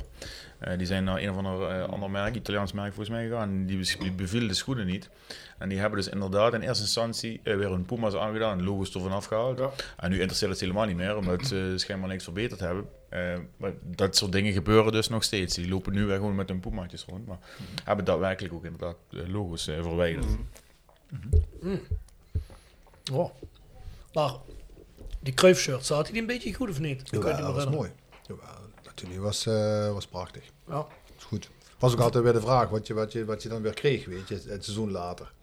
Ja, ik denk dat dat voor de jongens nu ook nog zo is. Hè? Ja, dat was dan ook wel. Ja. Wat, ik, ik, uh, wat, wat hebben ze nu alweer? Kipstar, dat merk van Decathlon. Ja, dat, dat schijnt, hè? dat zeggen ze. Dat is er niet, is er niet officieel aangekondigd. Ja, ik weet het niet, maar, maar ik, dat, dat wordt wel geroepen. Ik ja. heb de Nick Vos gebeld, dus even. Ik zeg, hey Nick, als wij op een gegeven moment uh, de Voice of Clyde Studio een keer gaan inrichten, dan wil ik wel een match one shirtje voor jou. Hè? Dat was de laatste wedstrijd. Ik zeg, alsjeblieft, van die laatste wedstrijd, want zo'n Kipstar shirt wil ik niet. En toen zei hij, ja, gaan we doen, gaan we doen. Zegt hij, maar zegt hij, ik moet wel zeggen, we hebben ze gepast. Dan zitten we lekker. Dus ja. ja maar het schijnt heel goed spul te zijn. Ja, dat zou best kunnen, ja. Ja, er hangt natuurlijk de naam Decathlon aan. Dat is natuurlijk een beetje hè, ramshams, maar... Uh... Het voordeel is, als, je, als zo'n truitje kapot is, ga je even naar Decathlon nou ja, nee, maar veel simpeler. Als je, nieuw, als je een nieuw Leggera shirtje moet hebben, dan kan, dan kan het wel een tijdje duren. Ja, dat, dat zou kunnen. Misschien hebben we het bedacht dat een keer wel de tenues. Dat is wel een voordeel. Ja, dat zou kunnen, ja. Dat is een voordeel. Ja. Ja, Zeker. Kunnen we, en, in Arnhem hoeven we niet met de shirts van Arnhemse Boys te spelen. Als, uh, als we het verkeerde kleurtje hebben, gaan we gewoon een ander kleurtje bij Decathlon halen. ja, dat klopt, dat klopt. Ja. Ben je zo geweest. Hey, voor de rest, Europa Cup debuut van Michel Haan. Werd nog aangekondigd door Evert ten Apel. Uh, dus uh, ja, die, die werd voor de leeuwen gegooid. Nou, die heeft zich wel aardig gewerkt voor de leeuwen, moet ik zeggen. Voor de rest, ja, um, Evert ten Apel was vrij verrast. John van Loen, centraal op het midden. René, waarom was dat? Wat bedoel jij met centraal op het midden? Ja, dat, dat Soms centraal middenveld. Midden, centraal middenveld. Ja, Micha Haan de spits. Sla je me dood. Ik echt niet meer. Dat weet ik echt niet meer. Ik, bedoel, ik heb de wedstrijd ook niet meer gezien. Hè. We hebben Jij zegt tegen mij, die staat op mijn netvlies. Dus. nou, nee, nou, nee, dat is, nee, dat is zeker niet. Ik bedoel, ik kan die details zien, weet ik niet meer. Ik ken, boh, of we dan met twee spitsen gespeeld hebben, stiekem. Maar het was niet om de een of andere reden, omdat hij daar meer oorlog kon maken of dat hij daar Nou meer ja, bij kon, kon schuiven. Uiteindelijk bleek dat wel, hè, want die was Overal. overal. Dat was echt Eh, overal, ja. Ik denk dat je het een beetje vergelijken kunt. Misschien wel met eh, later met, eh, met Bob Peters en Peter van Hout. Eromheen Ja. draaien, Peter aanspeelpunt. Bob Peters een beetje de, de, ja, zeg maar degene die de ballen kan, kan aannemen. En Peter van Hout die zich helemaal het schompers liep. Maar Bob Peters stond volgens mij wel dieper, hè? Die stond Ja. volgens mij diepste Maar ja, goed, maar uiteindelijk kwam, kwam eh, Van Loen natuurlijk ook best diep de hele tijd. Hè. Ja, ik Die moet sowieso zeggen, maar ik bij. ken- Ik Hij wil was zeggen, maar dan komen we sowieso met, zo meteen maar weer op, op terug. Want iedereen speelde eigenlijk bijna overal hè, eh, in dat rode team. Wel niet chaotisch, met... Ik denk dat je verdedigend, verdedigend wel stond zoals je moest staan. Ja, maar aanvallend eh, had, je, had je opties. Hè. Ja. Dat het is niet normaal. Hè. We komen zo meteen erop terug als we het over de wedstrijd gaan hebben. We gaan het ook nog over voetbal hebben. The Sound of Calhei. Gepresenteerd door PC Data Logistics Automation. De partner voor leveren, installeren en onderhouden van geautomatiseerde ordeelverzamelsystemen. Zowel lokaal in kerkraden als globaal over heel de wereld. Zoek je een uitdagende job? Kijk dan naar onze vacatures op pcdata.nl. Ook worden we gesteund door Willeweber Keukens. Wil jij graag kwaliteitskeukendesign dat ook bij jouw beurs past? Ga dan naar Willeweber Keukens in de Boebegraaf 1 te Schinveld. Tevens gesteund door Visio Stofberg. Visio Stofberg streeft naar het aanbieden van een totaal aanbod van bewegen en fysiotherapeutische zorg. Waarbij afstemmen van de zorg op de vraag van onze patiënten de hoogste prioriteit heeft. We zijn persoonlijk, we denken mee, we bieden kwaliteit. Jou fit krijgen, jou fit houden. Daar doen we alles voor. Visio Stofberg. Gezond resultaat. Ga naar www.visiostofberg.com voor alle mogelijkheden. Ik wil per se een Sound of Calais song kiezen uit die week. En ik heb eventjes gekeken wat er in die week... Het was trouwens in de top 40 was het week 15 in 1989. En daar stonden een aantal songs in de hitlijst. En ik heb de 1, 2 en 3 heb ik opgezocht.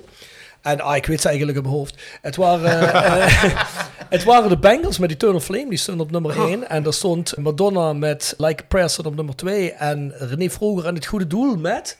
Alles kan een man gelukkig maken. Kun je dat herinneren? Dat Oh, Een, stond- een eigen huis, hè? Een eigen huis, een plek onder de zon. Ja, ja. Dus eh, ja, aan jullie jongens, wie gaan we kiezen? Ja, Madonna, de dan ga ik toch voor René Vroger. Ja, maar, ja, maar, ook, maar, maar ook echt bij gebrek aan... eh, Precies, ja. Niet Madonna? Niet Madonna, nee. Nee, Like a Prayer, Dat is fantastisch. ook een beetje te soft, hè. Ja, ik vind alle drie niks. Precies, ja, dat slechte precies. optie. eh. Precies. Wat was er op vier op? Ja, bekend. Oh, dat weet ik niet meer. Dat weet ik niet meer. Ik zou nog eerder gaan voor eh, een van de liedjes die gezongen werden in het stadion. Zo een dag, zo wonderschön wie heute. Of, of wij, wij gaan, wij gaan naar Zwitserland, heb ik ook gehoord. Hè? De fina- finale was in Bern. Ja, ja, precies, die was er ook. Die was er ook. Trouwens, over de stadionzang eh, gepraat, hè. Ja. Die, die was vrij... eh, die Beperkt. Was beperkt, Ja, hè. Het, was altijd of René Troost, René Troost, of het was... eh, Olé, olé, olé. olé. Dat was, dat was eigenlijk Of, degene eh, dat... dat, dit, dat, dit, dit, dit, dit, aanvallen. En ik heb één keer heb ik het Chunst op de Welt gehoord. Ja. En voor de rest, ja, wat jij zegt, hè, we gaan naar Zwitserland, kom er een keer doorheen. Maar dat- Johnny van Loen. Ja, Johnny van Loen. ja. En En Roda natuurlijk, Roda, klap, klap, klap. Ja, ja. Die was Hij is een hondenlul. Hij is een hondenlul, die, hebben we ook erbij geschreven. Ja, die ja. is ook voorbij gekomen. Ja, die hebben we niet gehoord. Hondenlul. Maar laten we zeggen, Roda is nooit zo de club geweest. De meest vindingrijke... Eind soort- jaren 80 was dat helemaal. eh, Heel veel uh, Jalala liedjes. eh, Ja, ja, ja, precies. Ja, en precies. heel veel van die toeters. Dat was Ja. echt, ja, dat bleef dat, gewoon niet de hele wedstrijd door. Maar dat gezegd hebben, het, het repertoire was beperkt, maar wel ook eh, continu. Hè. Dat werd, dat, dat, Het was continu, dat het was eh, continu. Ten Apel heeft het ook tijdens die wedstrijd over dat. Een heksenketel, je was. bedoelt een heksenketel. Ja. eh. Wat, wat, wat ik neem aan, er waren geen uitfans hè, in die Nee, tijd. er waren geen uitfans, niet, eh, niks. Nee. Nee, dat... Ja, maar nee, was, was dat eh, überhaupt in Europa in die tijd? Waren ook Nee, geen want er Portugees of zo bijvoorbeeld toen in de, Ja, tegen Guimarães? Bij ons weet ik dat niet, maar ik weet wel dat er een bus van eh, Noordzijde naar Guimarães... nee, niet een bus van een bus Guimarães naar. Guimarães is geweest. Ja, dat er fans in Kharkov zijn geweest. Daar heb ik nog foto's van. eh. Ja. In Bulgarije. Ik weet wel dat er, ook. ik, ik weet wel dat veel, toen wij tegen Ljubljana spelen thuis, dat was er wel echt een, eh, er was Ja, wel een redelijke Het uitspraak. plukje van eh, Green Dragons, ja. Ja, precies. Dat spandoek ging dat toen. Ja. Ja. Ik kan me nog goed herinneren. Ja. Ja, ja, ja. Voor de rest, nog even voordat we echt aan de wedstrijd beginnen. Wat opviel, iedereen heeft een maatje bij Roda. Behalve René. Jan Nederburg en Michel Haan. Voor de Nou rest ja, Jan- iedereen. En Boerenbart. Ja, Nederburg, dat, dat, dat, dat kun je overal... dat er al naar, hè? Ja. ik, ik had het gevoel dat hij net naar de kapper was geweest. Of die hadden man onze keepers teruggeduwd. maar jij, maar jij, ja, het later toch ook wel een beetje Ja, ja, iets wat eh, naar de nek in ging. Nee, ik heb vroeger had ik, daarvoor had ik ze wel langer, maar ik heb nooit echt een matje gehad. En een matje betekende eigenlijk dat je ze voor wat korter had en achter wat langer. Dat heb ik Fokuhila. Voor de kort, hinten lang. Dat heb ik nooit gehad. Nee? Ik had, Of ze, hockey of, ik had ze of overal lang of, eh, of kort. Ja? Maar niet, eh ik had ook, als ze langer werden, dan kwam er ook meer krullen en zo. Dus, maar ik heb nooit een matje gehad. Van Gerry Zende bestaan er toch echt hele mooie panini-foto's. Bernie, Bernie Romero, dat was echt toppunt. Ja, ja, was, Bernie was het, was het mooiste, ja. Ja, en Shine heeft er ook mooie gehad. Hè. Uh, Shine had op een gegeven moment een matje met, met stekelhaartjes Ja, bovenop. precies. Oh, jongens, hey. Daar zal Shine zich geen mo- moment voor schamen, denk ik. Dus, Nee, eh, nee, nee, zo, dat- dat maar het past wel echt bij hem. Dat schaamt helemaal niet, denk ik, toch? Ja, ja. Hey, we gaan aan de wedstrijd beginnen. Wat hadden jullie het meeste zin om te zien in die wedstrijd toen je begon? Wat, wat denk je? Dit wil ik nou echt gaan zien. Ja, ik, ik heb de wedstrijd natuurlijk nooit echt meegemaakt. Maar ik heb altijd van horen zeggen dat, hè, uiteindelijk maakt Boerenbach maakt die fout. Maar je hoorde altijd van, hij was supergoed daarvoor. Hè. Het was echt, eh, dat, was, dat was de beste speler. Nou, dus dat was voor mij wel interessant om op te gaan letten eigenlijk. Van, komt dat dan ook uit? Eh, en dat, ja, dat, dat, dat, dat vond ik wel heel interessant om te volgen. En jij, Mo? Nou ja, ondanks dat ik die wedstrijd wel gezien heb en dat ik een aantal dingen heel erg helder nog voor de geest kon halen van wat er gebeurd was. ehm, het wedstrijdbeeld zelf had ik niet meer op de radar. Het wedstrijdbeeld niet ehm, en ook niet ehm, zeg maar de, de, de sfeer en alles eromheen eh, eh, niet. Dus daar, daar, heb ik ook, daar, daar let je dan extra op. Eh, maar ik keek er uit omdat je dat lijstje namen kent, omdat je weet dat ja, dat waren je jeugdhelden. en dat waren en dat altijd, nog steeds. eh, nee, en nog steeds. En nog steeds een fantastische rij eh, spelers. Dus daar ben je gewoon benieuwd naar. Kijk eens nu, eh, eh, 30 jaar later. eh, met de blik eh, van een, een volwassene naar hoe, eh, hoe, hoe die wedstrijd die je toen als kind gezien hebt. En die je nooit meer terug hebt gezien. Eh, al had je hem terug kunnen kijken. Eh, dat heb ik met Milan ook nooit meer gedaan. Eh, gewoon van een, een, een, een, een trauma, ik wil het niet meer zien, eh bij wijze van spreken. En, en dat, ja, achteraf gezien, eh, nu, nu kijk je ernaar en denk je, hoe cool was dat eigenlijk? Ja, want ik, ik was ook wel heel erg benieuwd. Hè. Eh, je, bent, je groeit mee met het voetbal dat je kijkt. En ik was ook wel benieuwd als je nou zo'n wedstrijd Ja. van 34 jaar later gaat terugkijken. Is dat dan nou trager of anders? Hè? Weet je, is dat, eh, hoe is die intensiteit in die wedstrijd? Dat had ik inderdaad Ja. ook. En Dat viel me reuze mee dat- trouwens. Dat, dat viel me niet alleen reuze mee. Ja. Ik vond het eigenlijk... Het ik zou- continu door. Ja, precies. Ja. Volle power. Ja. En René, jij, wat herinner jij je van die wedstrijd als je nu je wist dat je naar die podcast kwam? Wat dacht jij van, wat is eigenlijk dat wat ik me het meeste, op, ja verheugen is een groot woord, maar het meeste zin heb om over te praten? Eh, ja, ik vond met name het begin van onze wedstrijd zo goed. Kijk, wij hadden natuurlijk nogmaals, we hadden een hele moeilijke uitwedstrijd gespeeld. We waren ook best wel getergd. eh, wat over ons verteld werd, pas op, dat heeft toch wel intern eh, toch wel wat, wat teweeg gebracht. Wat hij zoiets, wacht maar eens klootzaken, we laten jullie zien dat we toch, hè, dat, we, dat we ook anders kunnen Dat voetballen. was ook best ongekend. Hè? Ik bedoel, we, we- we hebben het nu al over die rode kaart en zo, maar hè, we noemen ook eh, de exposure met zo'n eh, met zo'n bekende Nederlander, eh, de, de VI, de kranten. Je werd ook echt als Wij team en club afgemaakt. heel Ja, het is bizar hè, toen maakten Ja. mensen zich nog druk over Roda. Ja. Ja, Ja, dat klinkt heel raar, maar dat heb je nu niet meer hè. Dus ja, dus eh, ik was, ik, ik, ik moet zeggen, ik, ik, kan me eigenlijk het, het eerste stuk nog wel een, beetje herinneren. Ik weet dat we daar echt oppermachtig waren en dat we eigenlijk al heel snel eh, ja, scoren ook. Ehm, eh, en, en, en, nog, en nog een doelpunt hadden moeten krijgen en nog kansen kregen. Ja, dat was zo lekker eh, om daar dan ook deel van, te deel van uit te maken. Eh, ja, dat, ik vond ons gewoon oppermachtig. Ik vond ons zo sterk. We waren zo trots eigenlijk dat we dat. eh, we hadden ook echt het gevoel, ja, we gaan die gewoon pakken, weet je. En ik had ook steeds het gevoel, zeker later in de wedstrijd, dat het eerder 3-0 zou worden dan, dan 2-1. Ik had helemaal niet verwacht dat het ook maar 2-1 zou worden. Maar goed, daar hebben we het straks wel over. Eh, dus ja, we waren gewoon vooral getergd. En we vonden het ook ja, heel gek. Reken had toch iets eh, dat, je, dat je het ook voor je trainer deed, weet je. Die, die was dan van het veld gestuurd, die zat daar boven op die tribune en we hadden iets wachten. We laten hem genieten. We gaan ervoor zorgen dat hij straks naar beneden komt en dan kunnen we samen met hem genieten.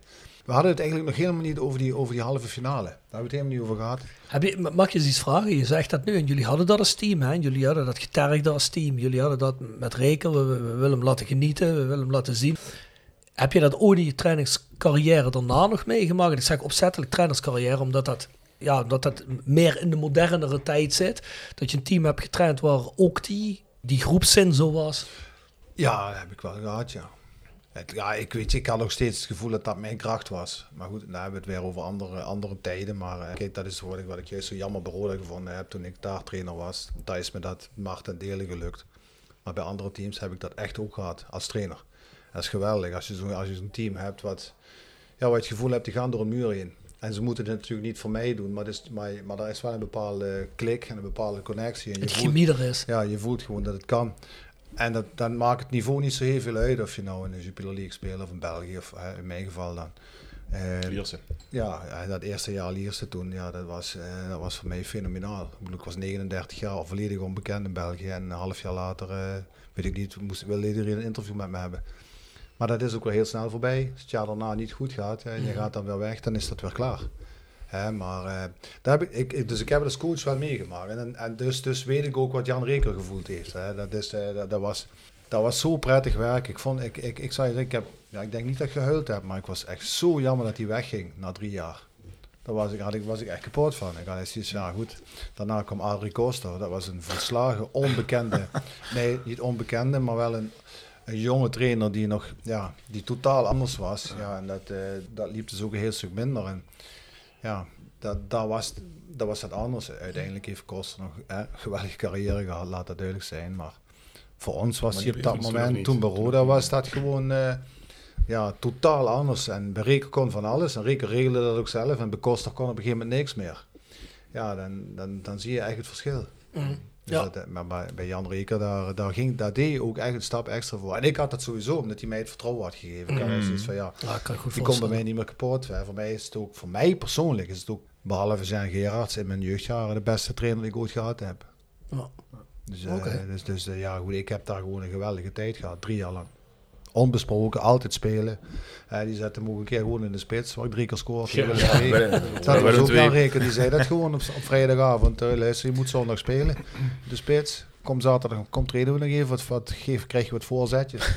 Kom dan, schiet ze maar binnen. En, Maar dat kan ook alleen maar als je zoveel vertrouwen krijgt, denk ik. Hè? Ja. Dan, ga, dan begin je er ook, no questions asked, begin je er ook gewoon Dat heb ik ook gezegd van ja luister, eh, dat doe ik. Al, Het is alleen zo, als het niet lukt, sta ik wel de week daarna gewoon weer linksback. Ja, natuurlijk, zei hij dan. Ik kon net zeggen, maar ik denk dat je dat ook voelt en dat je dat daarom ook geen probleem mee hebt. Nee, ik vond het juist chic. Ik, had echt, zeggen, ik heb daar thuis over gedroomd. God, Kan- dan kan ik het scoren? nou ja, goed, ik scoren deed ik altijd wel. Ah, oké. Maar ik... eh, eh, Was lekker voor, voorin blijven ik had hangen. wel zoiets van, ja, het zou toch een mop zijn als ik daar een goal maak, weet je. En dan na twee minuten eh, kop ik die bal in de kruising. Ja, een voorzet van Groenendijk trouwens. Ja, weet je. dat, dat, was gewoon, dat was gewoon een super tijd. Dus, ehm, Ja. dus, dus het begin van die wedstrijd vond ik... eh, ja, dat dat is- vol trots stond je daar. Ja, dan ga je zo, ja jongens, kom, we pakken jullie, weet je. Dus, eh, en dat... eh, Het was een fantastische openingsfase. hè. Ja. Het, Dus ging, het, direct in. het- ging even, een heel, helemaal in het begin even op en neer. eh, waarbij Sofia ook een bal uit de paal heel erg snel eh, eh, schoot. Ja, maar dat was eigenlijk, dat, dat was wel een bal op de paal. Maar dat gaf eigenlijk niet weer hoe de wedstrijd in elkaar Nee, maar dat was het, dat ging was eventjes. Dat was het ging eh, even op en neer. Maar dan, vervolgens Het was was ook het maar heel, heel erg snel omgedraaid. Eh, Sturm en drang. Ja, want je eh, moet, je, je moet heel even moet je realiseren. Hè. Sofia heeft dus een aanval van Kostadinov, Stoichkov, PNF. Hè. Kostadinov speelt later, of een jaar later, wordt hij getransfereerd naar Porto. Vervolgens vervolgens zijn carrière bij Deportivo La Coruña, wat in die tijd een macht was in Spanje. Hè. Deden mee eh, constant voor het landskampioenschap. Roy Makai ook later nog gevoetbald. Hè. En eh, daarna gaat hij naar Bayern München. PNF gaat het jaar daarna naar Valencia en daarna naar Atletico Madrid. En Stoichkov gaat naar Barcelona, daarna naar Parma. Parma was toen ook een macht in Italië. En gaat daarna weer terug naar Barcelona. Dus dat is een voorhoede eigenlijk van drie spitsen die op het punt stonden naar de top van Europa te gaan. Maar die niet toen met, met Bulgarije, was het in 1990 dat ze vierde werden? Zeker. WK? Was dat, Dat was dat was dat- 86? Nee, 94 toch? In Ja, Amerika. 94. Oh, later, Amerika. ja, die waren, dat, ze, waren wel die, waren eh, die een jaar of 7, 28, waren Dat- die op de top van hun kunnen. Ja, hè? dat waren die allemaal. Toen speelden die al allemaal bij die clubs die ik net noemde. En dan had je ook nog de coach Dimitar PNF van CSK op dat moment. van, Hè.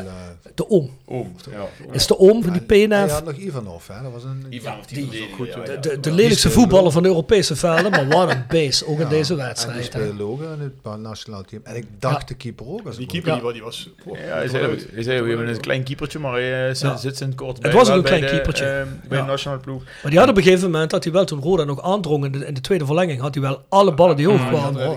Oh, Schot van de Broeders.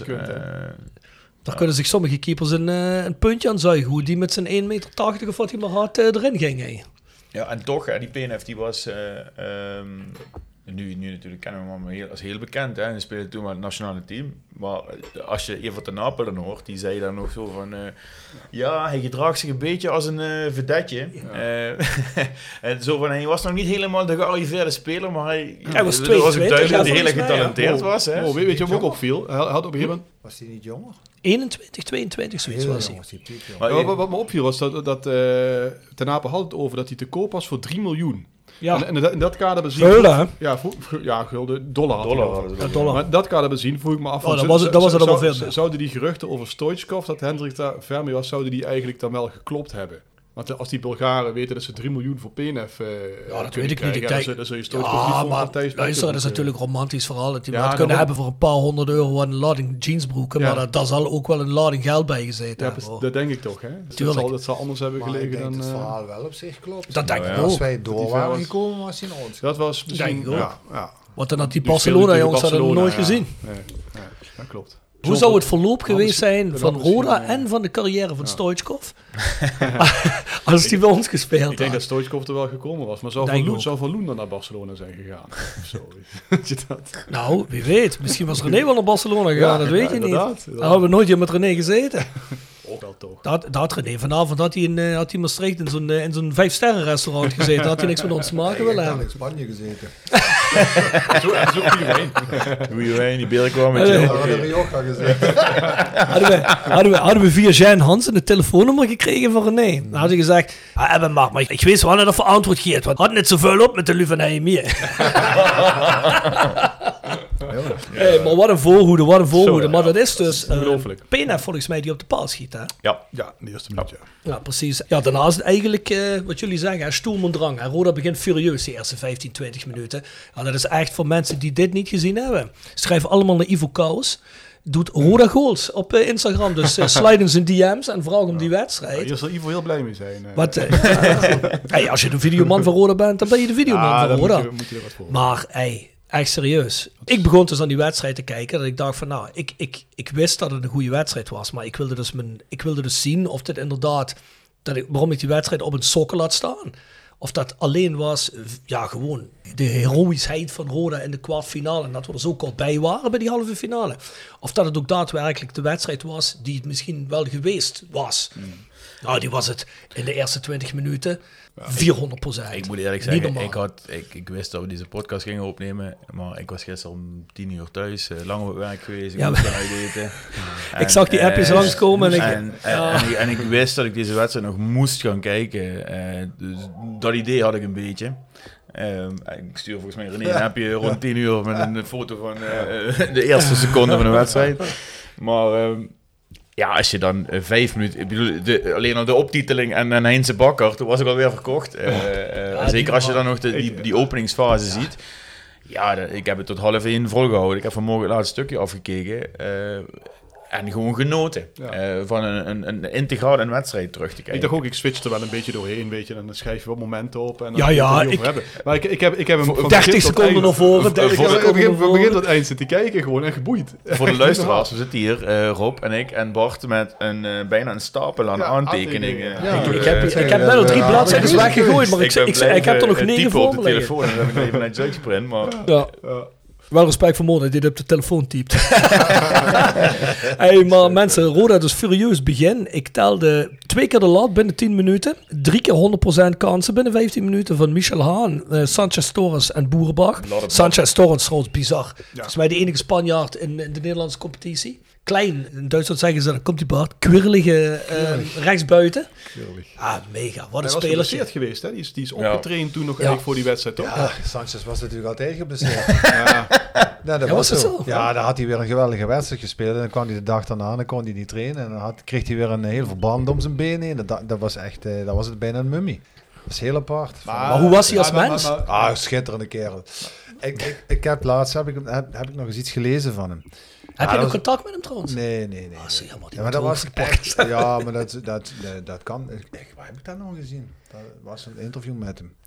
Maar dat was een hele fijne kerel. Hij had, hij had in Eigenshoef ergens woonde die. En dan ben ik ook een keer thuis geweest. En ik vergeet, liet hij, liet hij me zijn installatie zien. Kijk, vroeger, kijk, nu heb je allemaal die kleine boxjes en dan komt er mega geluid uit. Maar vroeger had je allemaal van die, van die grote Marshall-torens en zo, heet het allemaal, hè? Voorversterker, alles weet En dan ik liet. Sanchez mij even zijn, eh, zijn installatie zien. Even, even een, eh, een, een kwinkslagje. Liet hij mij even zijn installatie zien. En zijn dochter, die was toen eh, misschien een jaar of zo. Twee. En die zat zo op het bankje. en toen draaide Sanchez, Sanchez draaide even het volume op. Oh, ik, heb, ik had echt met dat meisje te doen. Ja. Wat voor muziek luisterde die? ja dat, dat weet ik al niet meer. Maar, maar niks geks, gewoon eh Nee, niks, mainstream. niks geks, maar gewoon loeihard, weet je. En dan ging hij erbij zitten. Hè. Kom, laat je dat eens even luisteren. Eh, ik vergeet het merk nog. Infinity heette dat. Dat was toen, Ja? was toen altijd een fantastisch eh, merk, zeg maar. Was het een lijn of was dat een, boxen. een merk? Infinity heette dat. Ja? Infinity Kappa. Dat waren boksen. Dat waren echt zo echt. Ah, die, die, die, die, je- die posten we in de stories, komt goed. Ja, nee, maar, dit, maar Sanchez was een geweldige kerel. Echt een geweldige vent. En een goede. Ja, als hij het op de heup had. Want ik heb vaak nog tegen hem gespeeld toen hij bij FC Twente was. Hij is van Twente Precies, naar ons naar ons gekomen, ja. dat Ja. was geen pretje om tegen Sanchez te spelen. Want die was natuurlijk, ja, wat je zegt, Ja, kwirlig. Die was snel, wendbaar. Eh, ja, goed, daar had je dan toch wel wat moeite mee af en toe. Als hij op je afkwam en hij kon zijn acties maken. Je wist nooit precies wat ging gebeuren. Hè? Dus dat was ook vaak alles of niets bij Sanchez. Mhm. En bij, eh, bij Sofia was het veel alles, denk ik. Zeker in het begin. Ja, ja. Was hij echt onhoorbaar. De Aftrap. Sportcafé De Aftrap presenteert De Aftrap. Sportcafé De Aftrap is dé plek in Kerkrade om sportwedstrijden te kijken... terwijl je geniet van onze uitgebreide biercollectie en heerlijk eten. Van overheerlijke loaded fries tot onze befaamde cocktails. Je geniet ervan terwijl je Premier League, Bundesliga, Air en Eerste Divisie, Formule 1 en nog veel meer kijkt op een van onze schermen. Sportcafé De Aftrap. Ouderwets gezellig sport kijken met vrienden. Tevens gesteund door Van Ooyen Glashandel. Sinds 1937 vervangen en repareren wij al uw glas met veel passie en toewijding. Met 24 uur service. www.vanooyen.com Tevens gesteund door Roda Arctic Front. We hebben natuurlijk onze vrienden van de aftrap. Een nieuwe rubriek is eh, de aftrap van de speeldag. Nou, dan weet ik dat René dat eh, de vorige keer ook een paar dingen over heeft gezegd toen in de podcast zag. Maar René, hoe trapte jij deze speeldag af? Weet je dat nog? Die Roda. Hoe zat je morgen in elkaar? Weet je dat nog? Ik, ik vraag me trouwens af of, het, of ik die thuis gebra- eh, Ik weet niet eens meer of we in een hotel, hotel zijn geweest. Of jullie direct naar Kaleiden zijn gereden van Venlo of zo? Ik denk het wel. Maar dat durf ik echt niet meer te zeggen. Dat Was je nerveus? Ja, ik was Of had je een gezonde spanning? Ik was altijd wel nerveus, maar goed, dat ben je altijd natuurlijk. Maar ja, ik zeg al, eh, kijk, eh, natuurlijk was je nerveus, eh, maar het was gezonde spanning. En, en Jan, ja, Jan Rieker was wel iemand die, eh, ja, die kon in zijn besprekingen wel, eh, en ook, dat deed hij dan niet alleen voor de wedstrijd, maar dat deed hij ook op wijze van spreken de avond van tevoren. Hè, dan kwam je bij elkaar. En dan ging hij al dingen uitleggen en dan ging hij ook eh, ging hij echt klaar stomen voor het werk. Dan had je het goed gevoel dat je de hele wereld aan kon. Dat was wel de kracht van hem. Dus Had jij rituelen in de kleedkamer? Mm, Nee, niet zozeer. Nee, Nee? niet echt. Niet dat ik de eerste Dus niet dat je daar gerecht... had. Oh ja, nee, nee. Nee, ja, wat je wel had. Ja, goed, ik moest wat vaker naar het toilet. Nou, dat was helemaal. Hè. En dan kwam het er wat makkelijker uit. Hè. Dat is- zo simpel is het, ja. En anders nog twee koffie en dan kwam Maar als dat het fluitje was gegaan, was dat, eh, was dat, dan dacht je daar niet meer aan. Maar ja, was ook een gezonde spanning. Maar ik, ik weet wel in die tijd, eh, ja, ik voelde me ijzersterk toen. En nogmaals, dat had vooral met hem te doen. Dat was gewoon zo, weet je. Want je had daarvoor had je eh, Frans Curve gehad en, en, en, eh, en, eh, en Robban. Robban was trouwens ook wel een, moet zeggen, een goede trainer op zich. Hè, maar dat waren niet de mensen waar je nou zoiets had van, hey, ja, die hebben 100% vertrouwen in je. Ja, ja. Rob, Rob Jacobs natuurlijk nog. hè? Rob Jacobs kwam later, ja, dat, dat vond ik helemaal niks. Nee. Hè, maar uiteindelijk heeft hij, het, heeft, hij, heeft hij ons erin gehouden, laat ik het zo zeggen. En, en ook een finale gespeeld, dat dan wel weer. Ja. Weet je, dat was ook altijd het irritante eraan. Ik speelde heel vaak de halve finale. In de finale speelde ik dat niet. En daar, daar had ik bloed, daar had ik zoiets, waarom speel ik nou weer die finale niet, weet je. Nee. Dan werd er toch wel iemand anders in de, in, de, in de etalage gezet, want zo ging dat vaak. Dus dat, dat was ook het irritante. Maar bij Jan Reker was, was daar gewoon geen discussie over, weet je. Ik speelde gewoon altijd. En, ja, ik had ook zoiets van, ja, ik, ik, kan, ik kan iedereen aan. Dus, dus bij Jan was dat wel makkelijker. Dus dat was ook bij Sofia zo. Ik had ook echt het gevoel, ja, we een gevoel van onrecht hadden we, weet je. We zijn hier afgemaakt. Waarom? We hebben keihard gewerkt daar in Sofia. We hebben ook wat geluk gehad. Maar we hebben, ervoor geknokt als team. En hè, je komt dan op 2-1 door die vrije trap van Boerenbach. Thuis nog alle kansen. Uitdoelpunt maken was toen ook belangrijk. Hè? Je hoeft er maar eentje binnen te schieten en, eh, en het is Ja, klaar. het is nu sinds twee jaar hier niet meer, hè. Maar dat was dus nog altijd de uitdoelpunt tel dubbelregel, hè. Ja. Dus dat, eh, ja, die regel is er volgens mij 50 jaar geweest. En ik vind het nog altijd een goede regel op zich.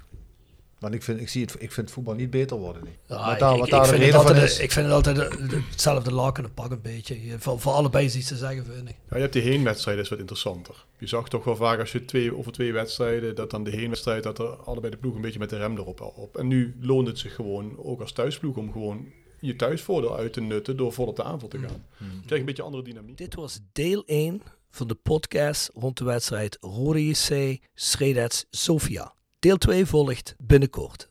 Natuurlijk met veel dank aan de vrienden van de podcast, Jegers en Teerling Advocaten, Nextdoor Nail Hair en Beauty Salon, Hotelrestaurant de Veilerhof, Herberg de Bernardeshoeve, Noordwand, Van Ooyen Glashandel, Quick Consulting, Wiertz Company, Nederlands Mijnmuseum, Rode Support, PC Data, Metaalgieterij van Gilst, Willeweber Keukens, De Vrienden van Roda, Osteopathie Dame, Voetbaltrips.com, Klebi Juristen, Fysio Stofberg, Barberood.nl, Sportcafé De Aftrap en Roda Arctic Front. Tot dan.